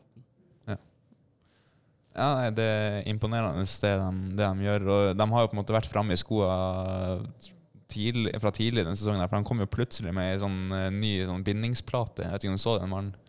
Eh, fikk eh, litt bilder av det. På starten av sesongen så hadde de ei, montert bindinga si oppå ei plate på skia, som var på en måte Altså, det var en sånn konstruksjon så- der frambindinga lå egentlig i løse lufta over, bi- over skia, da, så du flytta på en måte balansepunktet på skia bakover, egentlig.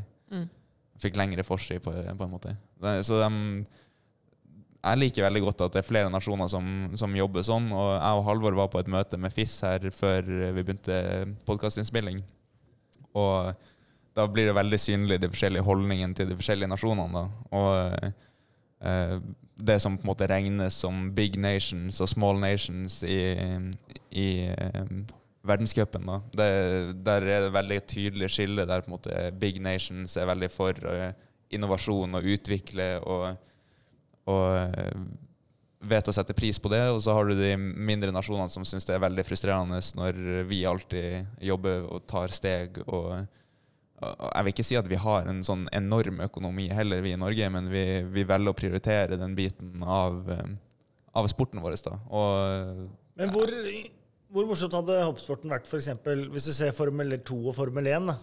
Formel 2 hvor alle må kjøre like biler. Mm. Formel 1 hvor utstyrsulikheten er enorm. Da. ja, jeg Eh, elsker Kunne jo det blitt mer interessant med, med Formel 2-varianten? da? Hvor Nei. alle landslag Jeg- måtte kjørt Jeg, jeg, jeg eh, tror ikke det. Nei, altså, jeg skulle akkurat si at jeg elsker jo, og det har jeg sagt mange ganger før, men jeg elsker Jeg den hørte sammen, sammenligninga med Formel 1.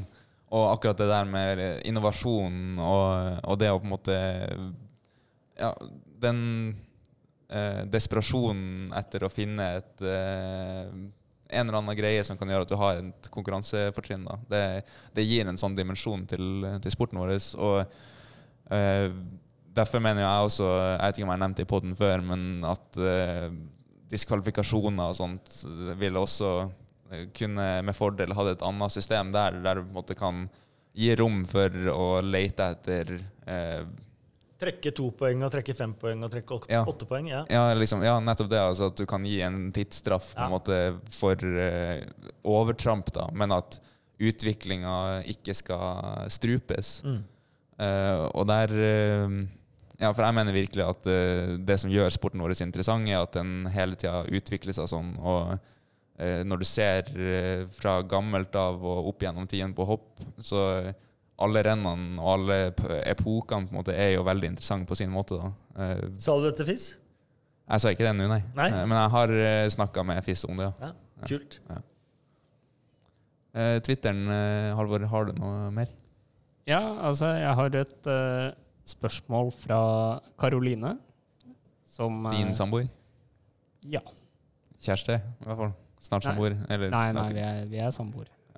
Eh, hva er den beste og verste feiringa på sletta dere kan huske? Og her tror jeg baktanken er en viss eh, lanisekk i dag, som hun i hvert fall irriterte seg voldsomt over. Som eh, drev og kasta snø på seg selv og hadde veldig fokus på seg selv, mens eh, alle de andre slovenerne var mer opptatt av at eh, Jelar hadde vunnet sitt første verdenscuprenn, tror jeg. Og Ja, det er ikke bare det. fordi at eh, Fram til han trodde han kom til på pallen, så hylla han alle slovenerne som slo han. Ja. Veldig, Han var veldig på, på det. Men da han skjønte at her har jeg tredjeplassen, da skifta fokus litt. Ok. Ja. Og Det kommenterte jeg også. eh, At folk har irritert seg over han på sletta. Ja. Før. Ja, nei, altså, jeg så jo det at han brukte jo alle de sekundene han kunne etter, altså, mens Peter satt på bommen og venta på klarsignalet. Så sto jo fortsatt Lanesek ute og showa på sletta der og, og holdt på som bare det, liksom. Og ja, prøver på en måte å dra opp publikum og sånt. Og der venter jo på en måte produksjonen på at han bare skal komme seg av sletta, sånn at de kan sende ut for Peter. ikke sant? Så, Ja. Og så kom bare Finn. Ja. Jeg syns det er um, De som vinner hopprenn, og så ser det ikke ut som du er glad. Det, det irriterer meg. Det er mye verre. Ja, jeg har jo hatt et par eksempler i dameklassa der eh, som jeg har irritert meg litt over. Marita Kramer. Ja, du kan si det. Ja. Ja. Og Takanashi som gir et lite bukk til Yes. kamera, kanskje. Ja. det er sånn Kom igjen, da, liksom. Mm. Eh, men eh, greit for meg, jeg skal ikke legge med det. Men eh, jeg kjenner at det har Det, er- det Ja, for jeg kan mer relatere meg til Ansel Lanersjek Ja. enn uh, Marita Kramer. Sånn Men- sett. men- men- Hadde jeg men men, kan- noe, noe i hele mitt liv, så hadde jeg kjørt Lanersjek-varianten. Ja, men Ja, kan så har men du, det kan jeg og så har du Lanisek den ene gangen han vant. Ja, da var han helt på Iroka der, ja. Men jeg òg syns jeg er ganske dårlig på å feire. For det, det blir eh, Det er vanskelig å få det veldig Blir rutine etter hvert. Vet. du. eh, For du er bedre på å være rasende, egentlig. ja, ja, for da er det ekte følelser. Ja. Slå ned alle skia Ja, på Brexit-gaten og ja. ja. Hadde en uh, variant i SAO hvor jeg, var så, jeg leda til første omgang. Uh, og så ble jeg nummer seks, kanskje. Uh, gjorde et ordentlig ræva hopp i siste omgangen. Gikk ut til exit-gaten. Altså, jeg slengte fra meg skia. satt, eller jeg lente meg inntil Hva heter det? Reklameplakaten. som på en måte går rundt hele sletta. da litt hardt inntil den, den veggen. Og så velta jeg hele den rekka med reklameplakater. Og da var Yes, her kommer Hva du endte på? Seks, tror jeg. Men jeg, jeg, jeg, tror, jeg tror jeg skal trekke fram sånn beste, så, så har jeg lyst til å trekke fram to som er i samme kategorien. Og det ene er uh, Juri Tepers i Harrakov, når han hoppa 2,20 der. Og så bare snurrer rundt og rett opp og jubler som bare det. Og det andre er forfanget forfang han Ja. eh, datt fra Ja, det er den eh, beste. det- Det er faktisk Det beste. er Det er, den beste. Ja, ja, men, ja, men altså, de, de er jo i prinsipp helt like. Eh, og så har du altså, Forfangsitt fall er jo litt styggere og ser litt grovere ut. Og kanskje ikke det lureste som finnes, er å bare l l gå helt banana. Som er nummer én. Ja, altså Helt der, kunne kneet mitt vært tvers av. Jeg hadde ikke merka det, tror jeg. Men uh, Du hopper liksom 240 meter, går så sinnssykt på trynet. Og så bare ser ut som den snømannen med masse snø i brilla og i dressen. Og reiser deg opp og bare Ja! ja, men eh, litt bakhistorie der, da. Der, eh, der sto jo Altså, jeg og Kenneth Vi hoppa jo sammen hele sesongen der. Vi lå tre og fire og tre og fem i verdenscupen, stort sett. Og hele helga der i Kolm så, um, så var vi så irritert begge to for at vi ikke hadde fått en skikkelig takeoff. For det var liksom mange som begynte å snuse på ordentlig gode lengder. Og, og vi hadde jo lyst til det sjøl. Og vi sto på toppen der eh, rett før det hoppet mitt der. Eh, og så sa Kenneth liksom at nei, nå er det vår tur. Liksom. Nå må vi få på en uh, smelle på en feit en, som vi pleier å si. Og så um, ja, så fikk jeg jo det her 240-hoppet, da. Og da var det eneste som sto i hodet på meg, at uh, det, her var, det her var jo planen. Vi skulle hoppe dritlangt, liksom. Men det jeg ikke tenkte på eh, så mye da, var jo at jeg tapte jo VM-medalje på det. Men eh, det var liksom Ingen som har jubla så mye for å ikke få en VM-medalje. Liksom. Men, men, men det føler jeg jo Det viser jo veldig godt på en måte den gleden som jeg føler du kun får ved lange hopp, og spesielt i skiflyving. Så er det liksom Det har ingenting å si hvilken plass du kommer på. Eh, jeg ser for meg at Seminic, for eksempel, er en av, kanskje den som ja, kanskje etter Gjelar, da, som legger seg med den beste følelsen i dag. Hvis han ikke blir for full og Ja, hvis han ikke, er jo- hvis han ikke angrer seg nå, da. Ja. Det er også litt den der kulturen der, eh, Jeg har jo kommentert eh, både snowboard og friski i OL og, og verdenscup og sånt, og hvor den der gleden på hverandres vegne når man får til ting, da. Som, er, som jeg syns er utrolig fin. Eh, om man er fra, i samme land eller ulike land eller, eller hva som helst. At hvis noen drar sporten videre, da, gir sporten progresjon, drar et nytt triks, eh, ny rotasjon, et eller annet, og alle står og gleder seg over det, da, selv om man har mista pallen, da, eller selv om man har mista et eller annet. Det er litt av den gleden du viser med den fjerdeplassen. da. Ja, og jeg, altså jeg- Kanskje litt sånn Altså, vi driver jo med en sport som er sykt kul å få til. Og da det, det gjør jo at du, du setter veldig pris på å se andre få det til, og Mm, det er fordi det, det ser sykt kult ut. Uh, jeg tror det hadde vært annet hvis man drev med en litt døllere sport, på en måte. Skulle sett eh, Maren på Sletta i dag da det var skikkelig høkkefest i starten her, og de lange hoppene kom, liksom. Er utrolig morsomt å se på. Ja. Jeg hoppa høyere enn de fleste. Ja. Ja, men det, men det er jo akkurat derfor også eh, det er en uting når eh, farta blir satt så lav at vinnerhoppet i en storbakke plutselig er 120 meter. da For da kommer ikke de ekte følelsene ordentlig fram. Det, altså, altså, uansett hvor godt du hopper, så er det drittkjedelig å hoppe kort. Og det er det jeg var ute og kritiserte eh, etter, etter Kollen og, og de tingene der, at når kvinner ikke får de samme forutsetningene til å hoppe langt Man kårer den riktige vinneren, helt sikkert. Eh, man får et, kanskje et rettferdig renn, helt sikkert. Men du står i lagkonkurransen i Kollen, eh, hvor kvinner hopper fra 7 til 20 meter kortere enn de mannlige i, i de ulike puljene. Eh, som jeg syns blir helt latterlig. Og så klager man over at det ikke er like mye underholdende med kvinner enn med menn. At eh, folk drar fra bakken når kvinner begynner å hoppe enn når mennene hopper. Man ikke faktisk får forutsetningene til å levere det samme showet. Eh, det var det jeg var ganske rasende for etter den, den Kollen-helga. Og, og, og, og tallenes tale er ekstremt klare, da. Ja. både fra herrekonkurransen og fra kvinnekonkurransen. Eh, i, i, med tanke på hopp over 130, hopp over 125 og hopp over 120.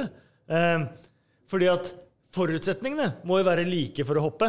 Eh, man kunne også satt ned bommen til, til herrene fem, fem hakk. Og dere hadde hoppa 120 i Kollen og jubla for det for, å- som et, som et vinnerhopp, liksom.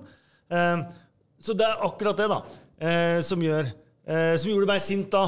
Eh, og som, som gjør at sporten ikke får den progresjonen den skal ha for begge kjønn. da.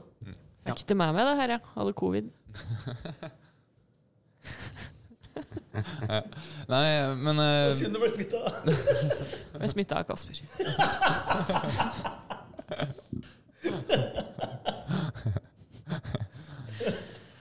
det gjorde det. Nei, jeg tenkte vi skulle begynne å det, jeg var ikke smitta. Hva er tull. Å, hva er tull.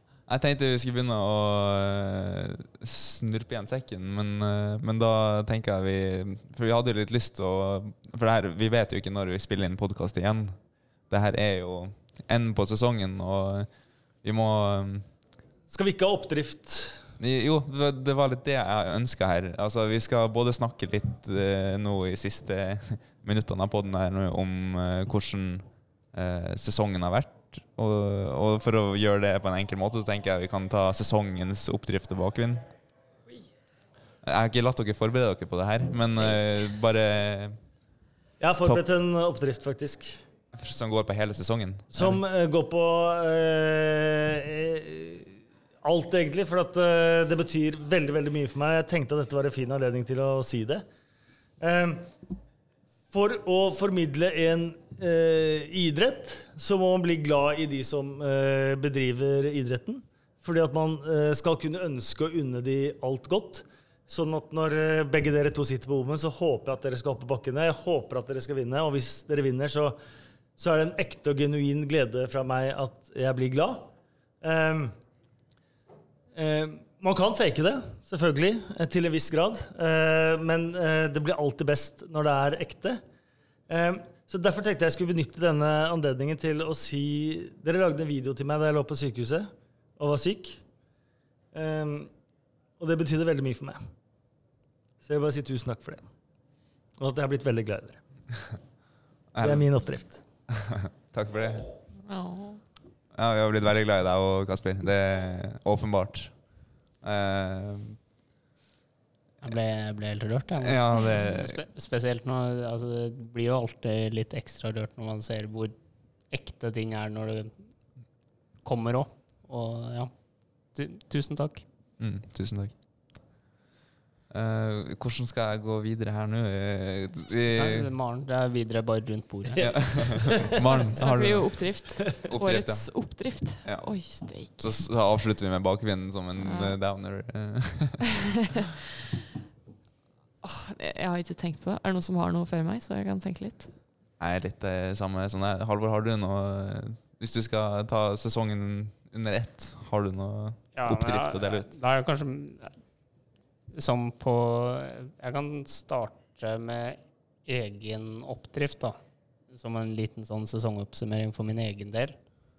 Og jeg tror faktisk eh, sesongens oppdrift for min del var uh, åpningshelgen i Nizjnij Tagil. Uh, det er jo selvfølgelig litt sånn Samme gamle, vanlige. For da, da hadde eh, I hvert fall fra sånn august, da, så hadde jeg jo eh, tenkt eh, Eller jeg hadde jo tenkt på det fra Egentlig jeg ble smitta med covid i VM, da, at fader, åssen skal det gå å følge opp det her? Og så har jo det gående gjennom hele sesongen, og det presset både jeg selv la på meg, men også utenfra. og Eh, så kom jo den svenske samme gamle, vanlige sangen i sånn august der, eller noe sånt, og så tenkte jeg hadde det så som motivasjon da, å bare gjøre det bra i Nizjnij og kunne liksom høre på den, eller legge ut en litt sånn cocky greie med, med den. Da. Så hadde jeg jo ikke Jeg var jo ikke tøff nok til å gjøre det selv, da. Mm. Men så gjorde jo Kasper det for Kasper det for meg, men eh, den den lettelsen og den gleden over å måte bare, bare avslutte den diskusjonen jeg så for meg kom til å gå gjennom hele vinteren om One Season Wonder og bare liksom bli kvitt den på første forsøk, da. Det, det var egentlig oppturen for min del. Eh, men sånn mer generelt så Altså, den historien til det blir jo veldig nylig, da, men den historien og den sesongen som Sika Yelar har hatt hvordan da, Når vi er i Nisjni, så ligger han på sykehus med covid-19 og ordentlig slått ut. Og så vinner her på hjemmebane i den folkefesten. Jeg tror det Lindvik i OL og Hober i Bischofshofen er på en måte de tre øyeblikkene som står sterkest. Hvis jeg ikke hadde vært så jævlig forbanna i Klingenthal på det her lysdiskoet jeg ble utsatt for, så hadde sikkert det vært eh, høyere på lista. Men det skal sies, da. Eh, du har vunnet verdenscuprenn denne sesongen. Lindvik har. Tande har. Du har ti pallplasser. Eh, Johansson Vi har hatt Klingenthal andre til sjetteplass. Vi hadde Oberstdorf, hvor vi bare dominerte listene. Eh, det har vært ganske Denne sesongen her forrige sesong var jo helt vill, eh, og det eh, var jo du som sto for mye av, det. Men denne sesongen har jo vært helt fantastisk. Eh, og det er lett å grave seg ned i sånne enkeltting. da. Og det irriterte meg litt med deg, må jeg innrømme. For jeg er jo entusiast, så jeg blir jo glad over gode prestasjoner. Og irriterer meg over folk som ikke blir glad over egne gode prestasjoner. Men, men vi har hatt Siljes første, første seier. Vi har hatt liksom veldig mange ting denne sesongen her som har gjort denne sesongen ekstremt god. I tillegg så har vi fått verdensmester i skiflyving, vi har fått en olympisk mester. Eh, vi har vært med å prege alt vi har drevet med denne sesongen her. Eh, og det er jo en kjempeoppdrift. Og det har gjort at alle renn vi har sendt omtrent, bortsett fra TTC Neustadt, har vært, har vært morsomme. Eh, og vært eh, morsomt å være en del av, da. Eh, og det er jo en kanonoppdrift. Veldig bra oppsummert. Jeg klarer ikke å toppe det med min sesong, i. Eh, Nei, men du har vært med, du òg. Hvor mange topp ti har du? Du har i hvert fall fem. Nei, det vet jeg ikke. Og du var med i, du har vunnet kvaliken i Raw Air, så du leda jo den og hoppa med ledertrøya Raw Air. Det er sant. Eh, du hadde Oberstdorf, eh, Oberstdorf nå, og vært med å prege konkurranser, du òg. Eh, nei, det, det Jeg syns det har vært så utrolig mye bra. Ass. Ja. Nei, jeg, jeg håper jo at uh, de siste to dagene kan være med og uh, dra opp sesongen min litt, da. Uh, for jeg går jo igjen eh, mot min dårligste sesong så langt i verdenscupen. Men eh, det, vi er jo ikke ferdig, eh, så vi har jo mer igjen. Mm. Har du noe, Maren? Jeg har egentlig ingenting. Nei? Men være med via Play. Kom det inn fra sida her. Nei, det har vært en fin oppdrift for meg, det. Men eh, stort sett eh, mest eh, bakvind, egentlig. Vi er, vi er litt i samme båt, vi. Delte følelser. Nei, men jeg syns det var veldig mye bra både fra Kasper og Halvor her, eh, som eh, oppsummerer godt. Eh, har vi noe eder og galle sånn på tampen, bare for å avslutte på en skikkelig low her? Det, er, det blir sånn delvis eh, tilsvar til Kasper, da. Men uh, min egen høyreski, som har gjort at uh, jeg har vært mye sur hos Brede. For jeg har uh, følt at ting har blitt Altså flydd dårligere enn jeg har kjent at jeg har hoppet. da. Men gir du skylda til skia, altså utstyret, da, eller til Nei, jeg, jeg tar den på egen kappe, men det er høyreskia som på en måte blir resultatet. Ja, det blir det synlige resultatet på eh, problemet. Årets uh, bakvind, høyreskia til Granerud. Ja, det er Den kan jeg støtte. Irriterer er- meg mye òg. Ja. ja, men altså ja, å. jeg, jeg bare gleder meg til å Du skulle ikke gi litt oppdrift i den skia, da, så kanskje den hadde kommet opp? Ja, eh. riktig. Kanskje det. kanskje det. Ja, Men det var deiligere å hoppe i andre omgang i dag, hvor vinden kom fra andre sida. ja det Jeg så jo så første omgang på nytt her nå, og så jo Jan Hørl plutselig begynte å druse langt ut på sida der, så skjønner jeg jo at jeg måtte begynne svinginga på 100 meter, liksom. Det, Men det var mye bedre i andre omgang. Jeg heier på sidevind fra, fra høyre mot venstre, sett ovenfra. Måtte jeg tenke. Ja, Men Brede og jeg, vi har eh, også vår interne konkurranse eh, neste sesong, så vi må få et løfte fra dere om at eh, dere skal coache oss i midtstua. Så i løpet av denne tiden neste sesong eh, så skal det være en fasit på hvem som har den beste persen på lengde på av meg. ja. Nei, men kanskje dere møter opp på storsamlinger eller sånt i år? da? Vi møter opp på er enhver vel- samling vi kan møte. Jeg var jo på stor, Var det storsamling jeg var på? ja, Ja. ja. Mm. Storsamlinga i år. Storsamlinga i år er vel i Vikersund, sånn jeg har skjønt det. Å ja. og, er og, og Brede har vel lovet å hoppe i Tromsø òg? Ja, det har han faktisk! Det har han faktisk! Det er helt sant. Det virker som det er veldig stor sannsynlighet for at hele Viaplay-teamet er bytta ut til neste år, om dere skal drive og hoppe på ski innimellom. Bør i hvert fall ikke sende, sende Kasper ut i altfor stor hoppbakke med den landingsteknikken han har. Så. Som er Det var litt det jeg tenkte på, da. Jeg har sett den hoppe på ski før. Og det. Eventuelt sende han opp i stor nok bakke til at det er bratt der han lander på magen. Ja. Men så har vi en liten uh, siste, og det er litt viktig, for at, uh, vi har jo nå bedrevet et par uker med eh, hvor kommentering og reportering eh, eh, Så har vi prøvd å flette inn ord. Eh, I dag klarte Maren fint Hågård? Ja. Uh, Brede fikk en hestehale. Uh, den aller beste Uh, Andreas klarte ikke sin utfordring i går. Hva han fikk, da? Uh, han skulle bare si 'faren min'. Eh, det syntes han var for flaut.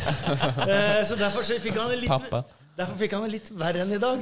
Han måtte si uh, Balenciaga-genseren min.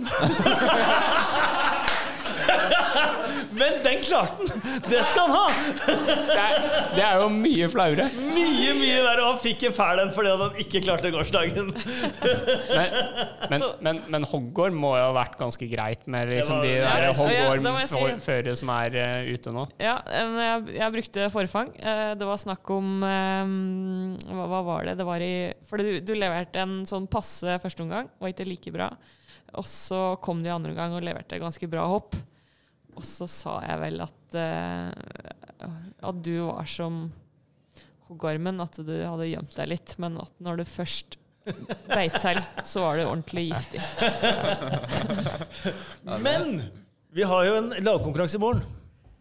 Og det betyr at både Stjernen, Maren, Brede og jeg skal ut i uh, aksjon. Så nå har dere mulighet da Skal vi gi en liten sånn til å komme med hvert deres ord som vi må uh, gjennom i løpet av sendinga i morgen. Det, det, Dette er en sjanse dere får sjelden igjen i livet deres, så uh, ja, jeg, jeg vet i hvert fall hva jeg skal uh, ta til Brede. Jeg vil at han skal uh, flette inn 'Jeg er fet'. Den er Den, tatt! den er vrien. Den er notert. Han sier det hver gang kameraet er av, så det skal gå bra. Jeg er fet. Den, den gleder jeg meg til å kjenne. Ja. Uh, mm, Har du flere? ja. Det er, jo, det er jo litt Vi burde fått litt mer tenketid, vet du. Det er jo Men uh, Men hvis dere ikke klarer å komme på det nå, tekstmelding innen klokken åtte i morgen tidlig, Ja. så godtar vi det. Og så får dere eventuelt ta det i neste podkast om dere fullførte eller ikke. Ja. ja vi, vi kan jo sende ut en liten sånn fellesmelding i Slack der og se om det er noen som har noe Ja. forslag. Det er for drøyt heller, da? Som... Nei, det kan ikke være for drøyt. Det kan Nei, vi ikke. Vi kan nei, ikke skjemme oss bort på TV, men uh, Maren tar det meste. Ja, jeg hadde sportsklubben Brann i, i Oberstdorf, og noen reagerte litt på det. Så jeg måtte si det eh, på sending. Men da, da kan du jo ta Da kan du jo flette inn eh, Hegli og Rosenborg i morgen, da. Rosenborg Rosenborg eh, skiflyverklubb. ja, Rosenborg tapte 3-0 mot Raufoss i dag. Det er så flaut å tape mot Raufoss òg, liksom. Kjøpe Raufoss er laget fra Raufoss. Du holder ikke med Rosenborg, du som er fra Asker? Nei, jeg, jeg holder med Rosenborg, ja. Nei, jeg holder med Asker. Det Nei, men uh, Rosenborg uh, ski, skiflyverklubb. Ja. Om han uh, Rosenborg en- skiflyverklubb, ja. Skiflyverklubb. Nei, det, det går ikke. ja, Går ikke? Selvfølgelig går det. Ja, nei, jeg, jeg, skal tenke, jeg, skal, jeg skal tenke litt, og så skal jeg satse på at jeg kommer med en, med en melding her. Hva med, hva med lander på Våpa? Hvem, som skal få den? Nei, det må jo bli Kasper, da. Lander på Våpa. Ja, den er lett. Ja. Ja, den. Ja, men ja, den Eller, eller er den for lett? Det er heller et tips. den er ganske enkel. Den er jo det. Det er kanskje heller Ja. et tips, ja. Ok. Eventuelt eh, så kan du Nei. Fly, flyr som en ugle. Skal jeg si det? Er ikke den brukt? Hadde vi ikke den engang? Har du hatt den, ja? Det kan godt hende. Jeg veit ikke. Ja, nei, men det her blir ikke så bra innhold å sitte og idémyldring her. Ja. Følg Send oss en morgen. melding i morgen tidlig, eh, og se hva sendinga blir. Ja. Ja. Da gjenstår det bare å takke for at dere eh, endelig kom på. Det er jo egentlig min, litt min skyld at dere ikke har kommet tidligere. Jeg har fått en jævla korona, vet du. vi hadde noen uker fri der fra Hoppkast. Og, eh, men ja, nei, takk skal dere ha. Så eh, vi skal jo sørge for at helga her eh, fortsatt eh, blir noe å skrive hjem om. Ja, for det er deres ansvar. Ja. Det er ikke vårt. Eh, Så dere må hoppe ja. bakken ned. Ja, for alt, alt dere foretar dere i Planica, blir i Planica. Det er litt sånn Planicas regler. Nei, jeg tror jeg kan dele. Det aller meste jeg har gjort i Planica, ja, jeg, altså! Det er litt verre med Maren og den våpenkjelleren. Ja, den tar vi utenom. Takk for oss. Takk skal dere ha.